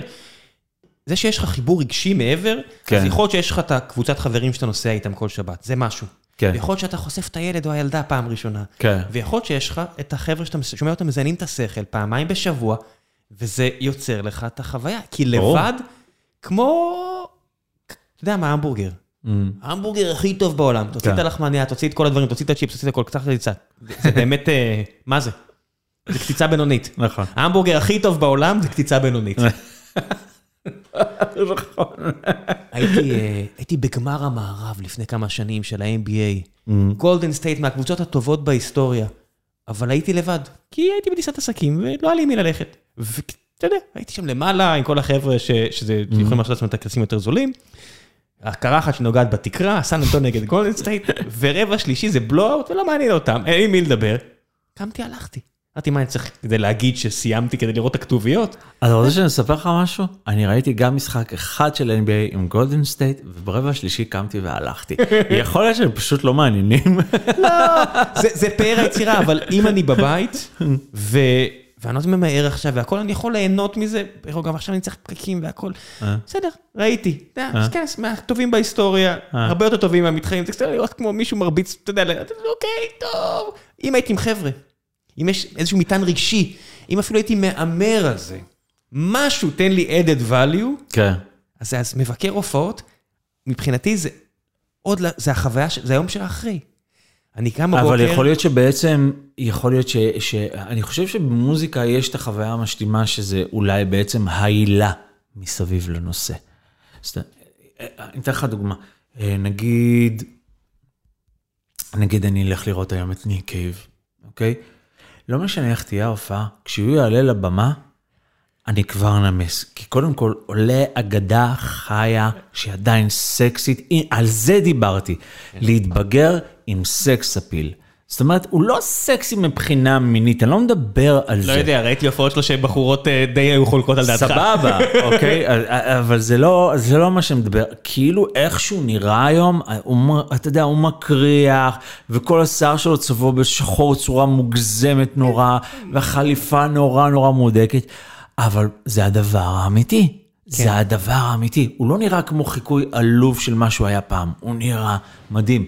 וזה מה שאני מחפש בדבר הזה. וכשהוא עולה לבמה, זה לראות את האגדה הזאת קודם כל עולה. ואז מגיעה ההופעה. אוקיי? והיא לא- היא לא טכנית אצלו, אתה יודע, יצא לי, הייתי בווכטרר, בווכטר? בבלגיה, ואני ראיתי במקרה, הלכתי והוא היה שם עם לזרוס, ו... ועצרתי, אמרתי, אוקיי, וואו, מה זה, אני לא מכיר את זה, ובדרך כלל אם אתה לא כן. מכיר בכלל, הרבה יותר- קשה ליהנות. כן. אמרתי, זה מדהים. אמרתי, וחשבתי, אני אחכה לאיירון מיידן. ואתה יודע, והוא סיים, אמרתי, אוקיי, זה היה פנטסטי, ואז איירון מיידן עולים, אוקיי, זה קצת קלישה, כי זה גם השיער המקליש, זה גם הגולגול, אוקיי, אני אחזור לשמוע את הדיסק, מצטער, זה לא... אני לא צריך יודע- מוקף ב-90 אלף בלגים כדי ליהנות מההופעה שלכם. ניק קייב, אמרתי, בואנה, אני חייב לקנות את הדיסק הזה. אני חייב לחרוש עליו בבית. אבל היה לי, זה, זה, זה, זה, זה ממש מוזר, כי אני, מה, המקביל לאיירון מיידין, אני ראיתי את גאנז אנד רוזס שהיו פה ב-2019, 2018, לא זוכר, מה פעם האחרונה? שמע, אני ממש לא נהניתי, ממש לא נהניתי, לא אהבתי את זה. ואני מת על גאנז אנד רוזס, וזה פשוט לא, לא הגיע אליי, אני לא יודע איך להסביר את זה, וכולם אמרו שהייתה הופעה מדהימה. אני לא יודע, אשתי ממש ממש אהבה אותם כטינאייג'רית, וחשבתי אני אפתיע אותה, זה היה לפני איזה עשור שהם היו פה, ועסקתי כזה, אתה יודע, backstage, ואנחנו נכנסים פנימה, והיא רואה, את לא מתרגשת, אני עושה, לא יודעת, זה לא, זה לא זה, אולי בגלל שהם כבר לא אטרקטיביים פיזית. כנערה זה משפיע. אולי כי... אני לא חושב שהם התבגרו. יפה. מה? אני לא חושב שהם התבגרו יפה. אני חושב שזה משום- מאוד מאוד קשור. כי ניק קייב, הוא התבגר מדהים, וסטונס מתבגרים מדהים.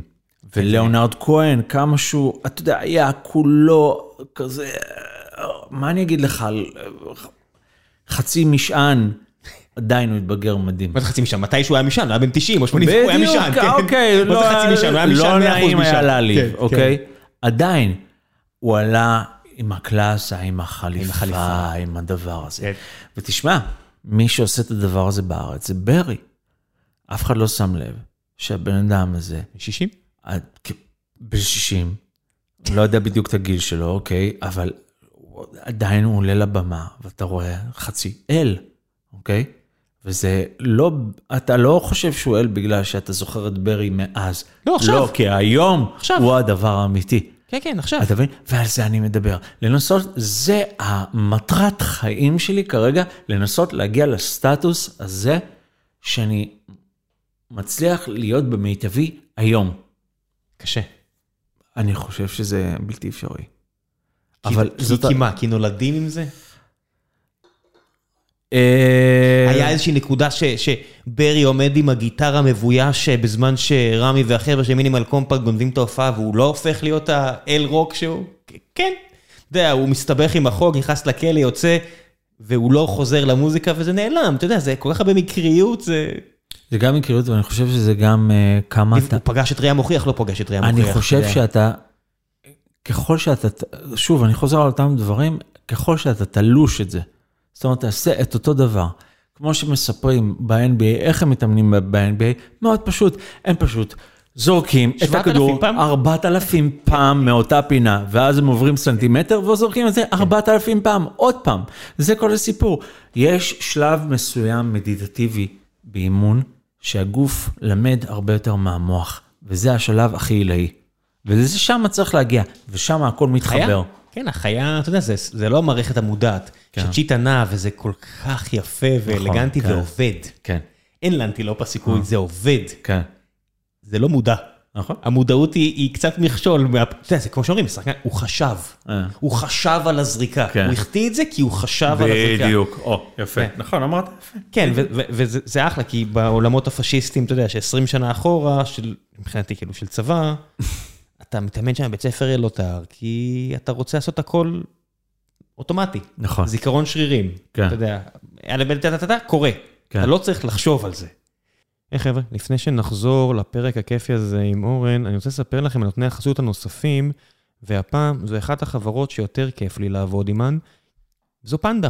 פנדה ZZZ, מוכרת לכם מזרנים. אתם מכירים את החוויה הזו שאתם צריכים לקנות מזרן, או בכלל ציוד למיטה, ומגיעים לאיזשהו אולם תצוגה, ויש לכם שם איזה 20-30 אה, מיטות מזרנים, ואתם יושבים על אחד, יושבים על שניים, יושבים על שלושה, על שלוש מיטות כאלו, שלושה מזרנים, ואומרים, זה נחמד, וההוא נחמד, וההוא עולה המון, וההוא עולה חצי המון, וההוא עולה רבע המון, וההוא עולה שני המון. על מה בדיוק אני הולך אה, לבחור ולישון? אין לכם שום סיכוי, זה כמו לשתות אה, כוס יין עשירית, אין לכם באמת דרך לגלות.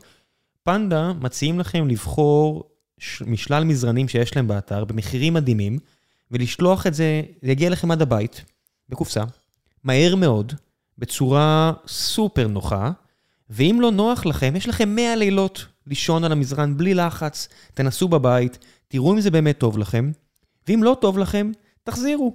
אני אה, קניתי מזרן של פנדה גם בלי קשר לחסות הזאת, לפני שעבדתי איתם. פשוט קניתי את זה אה, לילד שלי, כי רצינו אה, שהוא יישן על מזרן טוב, וגם שלנו יהיה נחמד אה, כשאנחנו משכיבים אותו לישון. ואני כל כך מבסוט על הקנייה הזו, כי זה מזרן פנטסטי. אז פנדה, כנסו לאתר, אה, עכשיו יש גם הנחה, לכבוד בלק פריידיי, 20% הנחה. תזמינו את המזרן, אני ערב לזה ברמה האישית, פריבילגיה גדולה לבחור את האנשים שעימם אני יכול לעבוד, כמובן. אה, וזהו, עכשיו בחזרה לאורן, מופע הנבות של דוקטור קספר, MBA, שאלות מן הקהל, מקווה שאתם נהנים. למי שלא יודע... אה, זה שאלה אליי? כן, מה אתה רוצה, שאלה אליי? לא, לא הבנתי, מה זה שאלות מהקהל? איזה קהל? אמרתי, 24 שעות, נכון, אז 24 שעות לפני אני מודיע מי האורח. אה, באמת? כן. כמה uh, מודעות לסביבה, הייתי, ב, הייתי בשיקום במוסד שנקרא רעות ביד אליהו. הסביבה שמה, אני לא, לא זוכר שיצאתי משם. אה, הייתי הולך לישון בבית של ההורים שלי כל ערב. אז זאת אומרת, העולם החיצוני לא עניין אותי, על גבול הפחיד אותי, ורק החבר'ה בשיקום, הם היו במודעות שלי. מה זה היית הולך? באיזה, באיזה, כמה, כמה שיתוק זה? כמה השיתוק הייתי משותק פול און, 100% משותק. אצבעות, עיניים.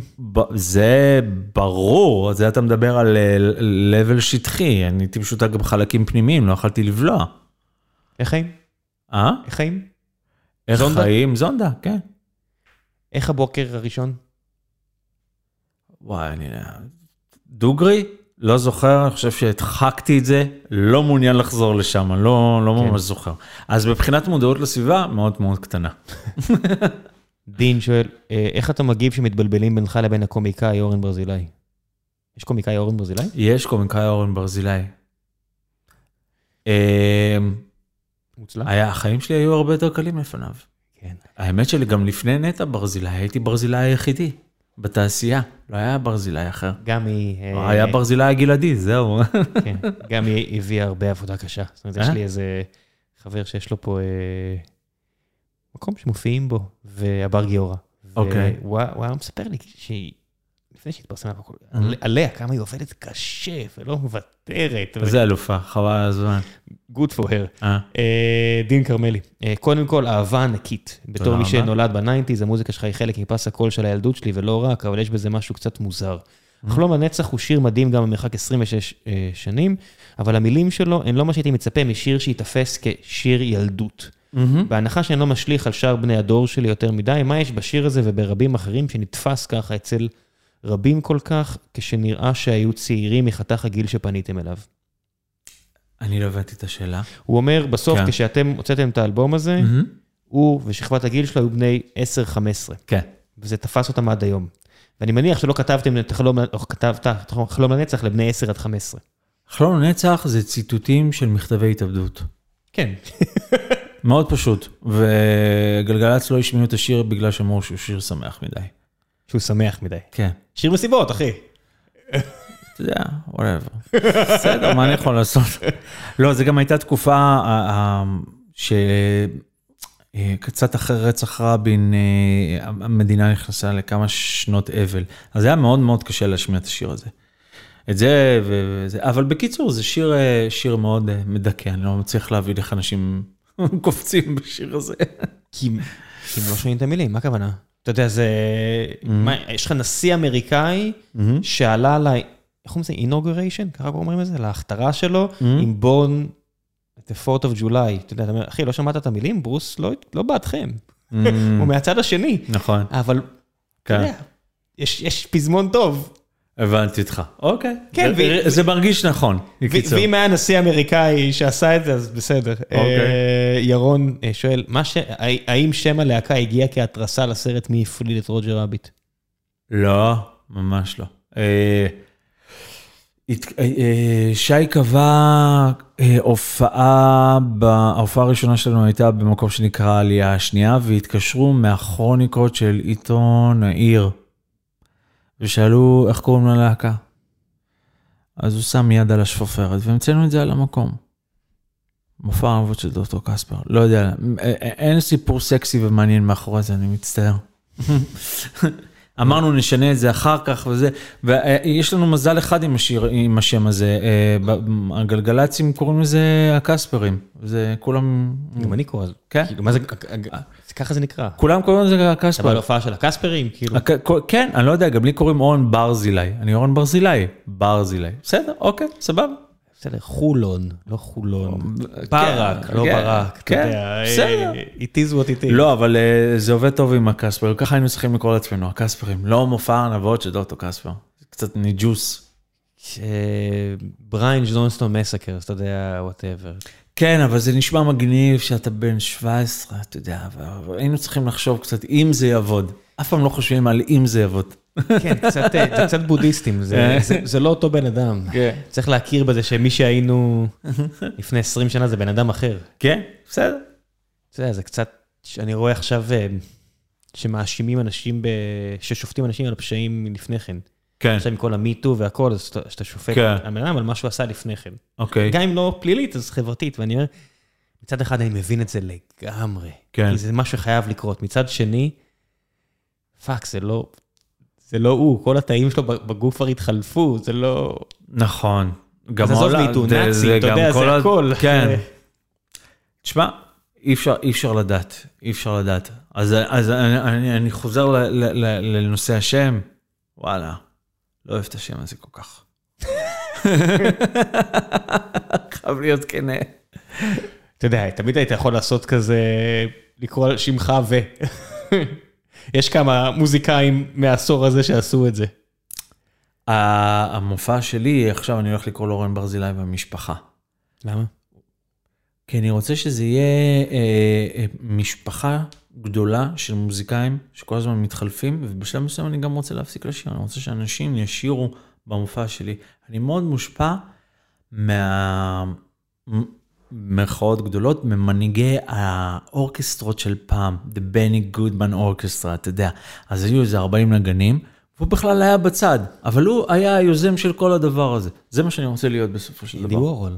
אה, אתה מבין? אתה יודע, אנדי וורהול והוולווט אנדרגאונד, הוא כן. לא מוזיקאי, אבל הוא כן, השפיע עליהם כן, מאוד. כן, כן, כן. אז זה, כן, זה, ה- זה עם ה vision גרפיטי? שלי. הלוואי, כן. בארץ? לא, אני לא, הייתי עושה כל מיני, עשיתי אה, כל מיני עבודות פופ ארט כאלו, אתה יודע, על אה, קנבסים, וכשמכרתי את הכל, אמרתי, אוקיי, אני לא, אני לא אעשה עבודות חדשות עד שאני... האלבום אה, באנגלית שעשיתי עם תמיר מוסקת הוא כולו דברים שהצבתי, הוא נמכר בתור ספר, אוקיי? וב-6,000 עותקים, ב-7,000, הוא נמכר, היה כמה אלפי עותקים שהוא נמכר, הוא נמכר יפה מאוד. אמרתי, אני לא מדפיס יותר, אני אעשה סטופ, ואז אני אחכה כמה שנים ואני אדפיס את זה שוב פעם מחדש. לא ידעתי שספוטיפיי ייכנס וההדפסות לא יעניינו אף אחד. נגמר. אבל אה, אז שם היו כל מיני עבודות ש, שהייתי עושה, שעשיתי, כאילו. אבל אה, כן, בגדול הוא הרעיון. אז מה הוא- זה הפרויקט הזה? יש לי. מופע של אורן ברזילי, אתה יודע, שני, שנשאר שירים של הקספרים, ש- שירי הסולו, אני עושה קצת קאברים וכל זה, ולאט לאט אני רוצה לייצר חבורת מוזיקאים אה, סביבי או לצידי או שאני לצידם, שיקראו לזה אורן ברזילי והמשפחה, שהדבר הזה הוא בעצם פחות מחייב לשיר את אותם שירים, להרחיב את הרפרטואר, לחשוב טיפה יותר גדול, יותר כמובמנט, יותר כמשהו שמייצג משהו, לא רק אני ואני ואני והשירים שלי, זה יותר רחב. אין לי, אין, לי, אין לי כרגע את הביזנס פלן למכור לך, אבל הפיץ', זה עדיין, אתה כן, מתחיל לה- אין לי את הפיץ', אין לי את זה, זה כמעט קורה לי, זה עדיין מתהווה במוח שלי. קאברים אבל או שירים אה, חדשים? לא, לא, לא, לא, שירים שלי, אבל עם הזמן גם להוסיף שירים חדשים, וגם אנשים אחרים שישירו קצת. מי? מי אתה רוצה שיהיה שם? אה, וואו. שילוב של אנשים מאז, מהיום, כל מיני דברים, עם הזמן. אני נורא אוהב לעבוד עם אנשים. אני אוהב להכניס דם חדש למערכת כל הזמן, כדי שייצר איזשהו עניין, גם לי וגם לאנשים שבאים לראות מופע, קהל חוזר. כלים כלים חיים? מה? כלים כן, חיים? כן, בטח, בטח. בטח. איזה כלים יש בהופעה כזו? שלי כרגע, אה, אנחנו רביעייה, צ'לו, אני גיטרה, אה, תופים וקלידים. צ'לו. את הבסיסט הקלטנו מראש ושמנו את זה על מחשב. כן, התחלתי לשאול, אה, אומר, איפה- איפה איפה הקצב איפה פה? הבסיסט? איפה הבסיסט? אני לא משלם על תדרים. אתה יודע, אפשר להקליט אותם וללחוץ פליי. כי אף אחד לא שומע מה הבאס מנגן. אתה מבין? פשוט רואים אותו, הוא עומד שם על הבמה, אני לא מבין את זה. כן. אמ, יש- עכשיו הרבה אנשים עם אה, קונטרבאס ובאס שאומרים, לא, לא, אל- אל-" אגב, אם זה היה קונטרבאס, זה היה משהו אחר, אני מת על קונטרבאס. מת על קונטרבאס. זה- נורא קשה להתנייד עם זה, אני חושב. כן. וגם, וגם לא שומעים את זה בסופו של דבר. לא שומעים את זה, זה משגע אותי. לא שומעים את זה. באלבום כן, בהופעה לא. בהופעה לא שומעים את זה. טוב, המלצות. ש... מוזיקה? מה שבא לך. אין לי, אין לי רגולציה. דבר ראשון, כל דבר שבא לך מבחינת אה, איפה אתה מופיע, כל מה שבא לך, אני אשים את זה בלינקים של הפרק. יש פה איזה 15 המלצות, כן, יפה. על זה. סדרה, אופוריה, מה, הבריטית? ה- אמריקאית של HBO. אופוריה. זה של הנוער? עם הילדים? מה זה? עם אה, זנדאיה, השחקנית. אה, אני, אני מכיר אופוריה שאני לא יכול להמליץ עליה, כי זה יכניס רעיונות לאנשים לראש. יש? יש סדרה בריטית של ה-BBC, אהה. שהיא אסתטית מפעימה. כן. אבל הבעיה שלי איתה, זה שזה על אה, עולם שבו אה, מהנדסים מחלה יחסית קלה, דמוית שפעת, אה? שהקטע הוא החיסון, שהוא בעצם נועד... אה, לדחוף מוכר. כן, וזה מלפני עשור. אה, אז אוקיי. אני לא רוצה... אוקיי. אה, כן, אבל זו סדרה מושלמת בעיניי. אתה יודע, זה סיריס של ה-BBC, הסיריס זה שישה פרקים. וואלה, אוקיי. שתי עונות, אני אבדוק את זה. מושלם. כן? אבל קח בחשבון שזה... אתה עלול לא לקבל את הבוסטר הרביעי. אוקיי. אתה יודע, אתה תשמע את החבר'ה מלמטה שצועקים, אתה תגיד, יואו, אני עכשיו מבין מה אתם אומרים. וואלה, אוקיי, אוקיי, אוקיי. אוקיי. כן. אז אופוריה אה, הבריטית, אופוריה אמריקאית, אם נשים את שתיהן. אופוריה אמריקאית, כשזה במקור ישראלי, של, אה, אם אני לא טועה- אם אני לא טועה, של טדי, לא יודע. אה, אני מאוד אוהב להקה שצמד צרפתי שנקרא The Blaze, מאוד.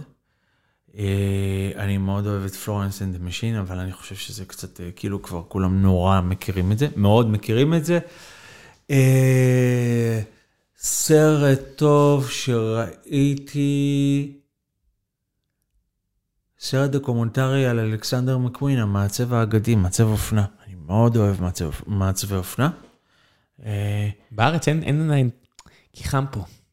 אתה לא יכול לתת פה תרבות לבוש, שנייה, כי חם פה. בארץ יש, אבל אתה צודק, אין להם קהל.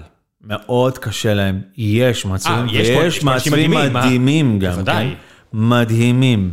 אבל באמת מאוד קשה להם, כי אין קהל. כי אין קהל, כי אנחנו, בת... אנחנו תרבות של מדבר, אנחנו 50 עדיין. בהכחשה. לא, וזה רק הולך ו... נהיה חם יותר ובלתי נסבל יותר. וגם הנורמות משתנות. זאת אומרת, אם פעם Mm-hmm. לא היית יכול לבוא לכל מיני מקומות עם מכנסיים קצרים וסנדלים, אומרים, מה, אתה בא, הולך כן. לגן עם הילד שלך, או אתה מחלק דואר, היום אין ברירה. חלום שלי שנעבור לגלביות וכפכפים. בוא נדלג על כל הקטע הזה. לא, לא. זה... אה, זה מה שאני רוצה. לא, אין אין מה לעשות, אנחנו נהיה אחרת תרבות מאוד חמוצה. אה, אוקיי. אנחנו נהיה אחרת תרבות מאוד חמוצה, אין מה לעשות, זה המציאות. אז... רגע, איפה היינו? וואו, המלצות. אני- המלצות, אוקיי. המלצות. מה, אה, סרט, סרט, סרט טוב שראיתי לאחרונה, אני לא יודע, אין לי סרט טוב שראיתי לאחרונה, לא ראיתי סרטים, ראיתי סרטים, יש סדרה בכאן 11 שנקראת אויבים. סדרה דוקומנטרית מעולה, הפרק על סאדאת מדהים. אני מאוד אוהב היסטוריה, מאוד אוהב היסטוריה. כן, גם- גם אני. זה בעיקר אה, לראות את הפער בין מה שנשאר מהמיתוס. ל- לסיפור עצמו. וגם כל כמה שנים דוקו על אותו נושא משתנה, מתגלים דברים חדשים, המיתוס משתנה, הנרטיב מותר משתנה. לספר פתאום, מותר... זה לא אפילו לשחוט, אתה יודע מה, אפילו גם הפוך, אתה יודע, כזה לוי אשכול או גולדה, הם לא רק הכשל, אלא אנשים, אתה יודע, שמיר הוא לא רק השלב ביניים הזה בין פרס לביבי, הוא גם היה... אבל גם הנרטיב פתאום משתנה, זה פתאום, כאילו, אתה כל... אני, אני לא יודע, אני מת על זה.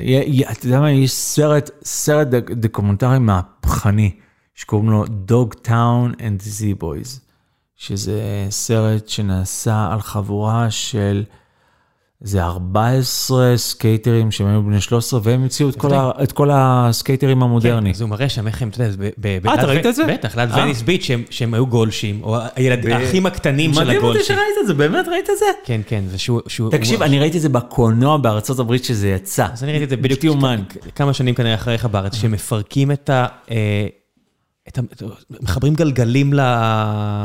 נכון, של ה- לס- לקרש וזה. ושהגלגלים של הקליי פתאום, אה, אתה יודע, שעשו את הגלגלים החדשים שפתאום לא נופלים מהאבנים. כן, ואתה- מדהים. ואתה רואה את טוני הוק כילד, ואתה רואה את החבר'ה ש... שההורים שלהם מסתכלים עליהם בכאלה של איזה באס, הילד כאילו גמור, כן. סטונר, וייסטר, a waster, אתה יודע, כן. ליברטינס שרים, what a כן. waster, והילדים האלה, כמו היפ-הופ, מתחילים תרבות שמביאה בראש, מדהים, שמביאה בראש. באמת באמת. הבגי פנס, ה- ואתה רואה אותם שם, הם הראשונים. נכון. ואז כמו מים, אתה יודע, מים ג'ין, אתה יודע, זה משתכפל לכל כן, כך הרבה כן. דברים. וזה, אתה יודע, כמה שנים אחרי זה אלן אייברסון מגיע עם בגי פנס ורב עם אמריקה הלבנה. אה. ואני אני אוהב לראות רעיונות ואיך את האבולוציה שלהם, ולנסות לזהות את זה. אייברסון, יואו, אתה יודע, אני ראיתי את זה בזמן אמת.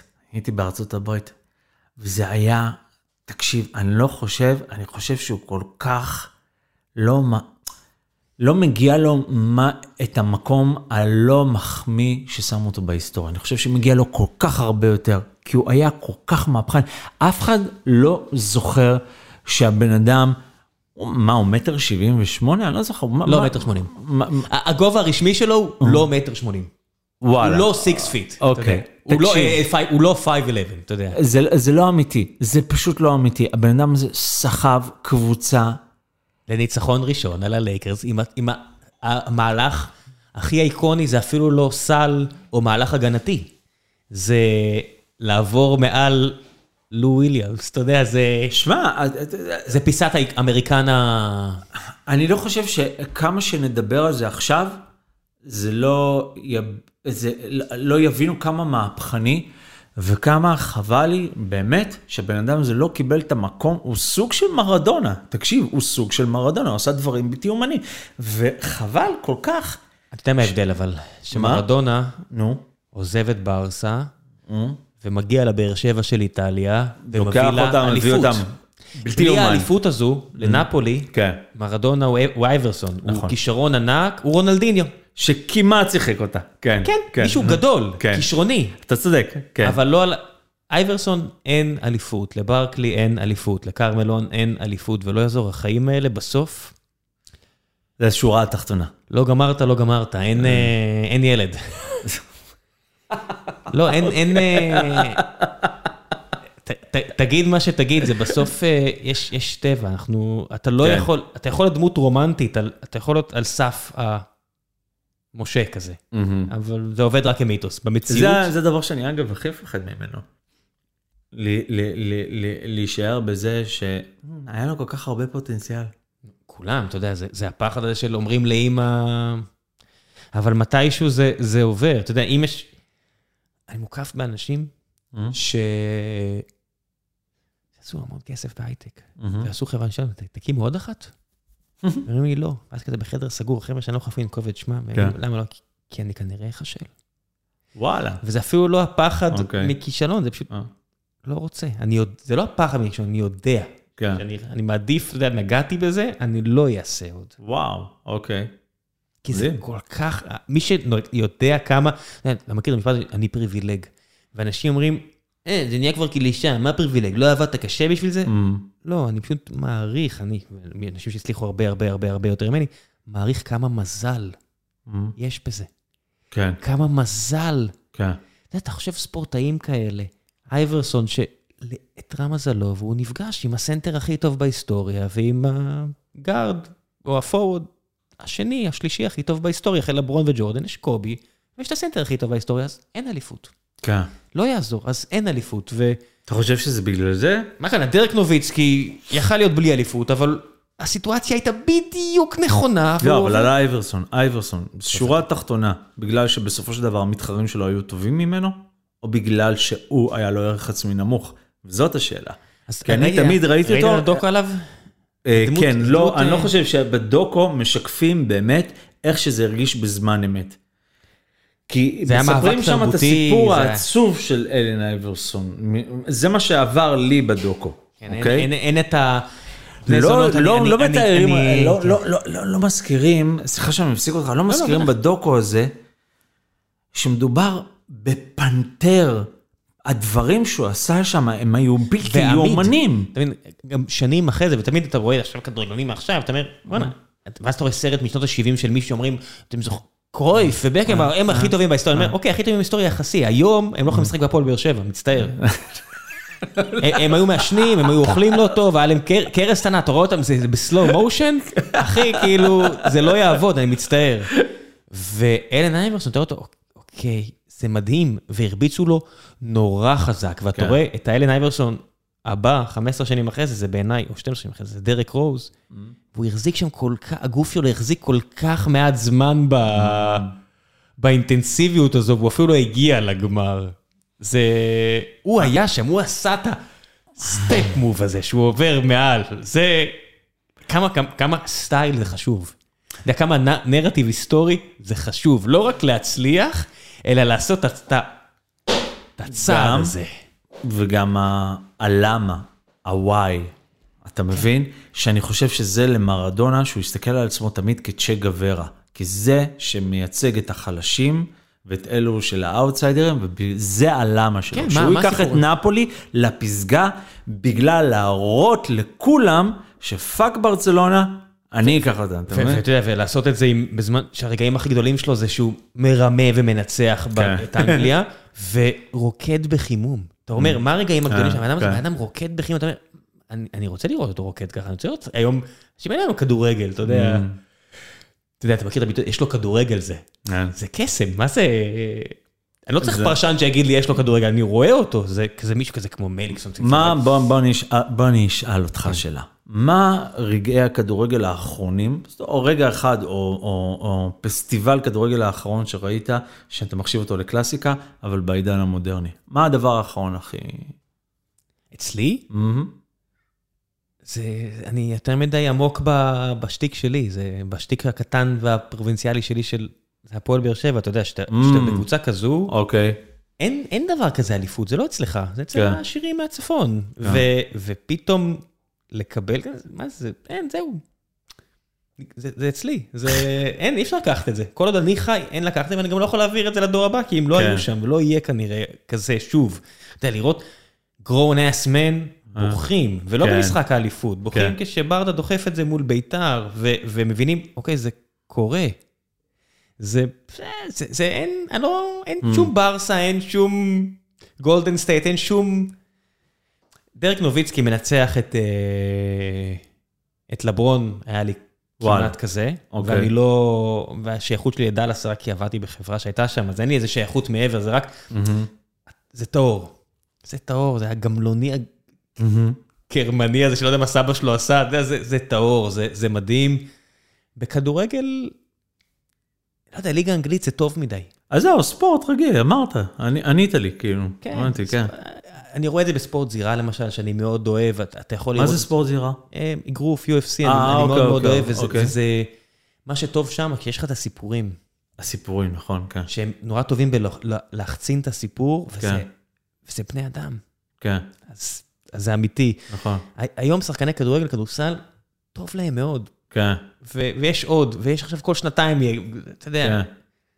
בטניס אני רואה את זה קצת, אבל שום דבר לא יתקרב לאליפות ראשונה של באר שבע, אחרי שאתה לא חשבת שיהיה את זה.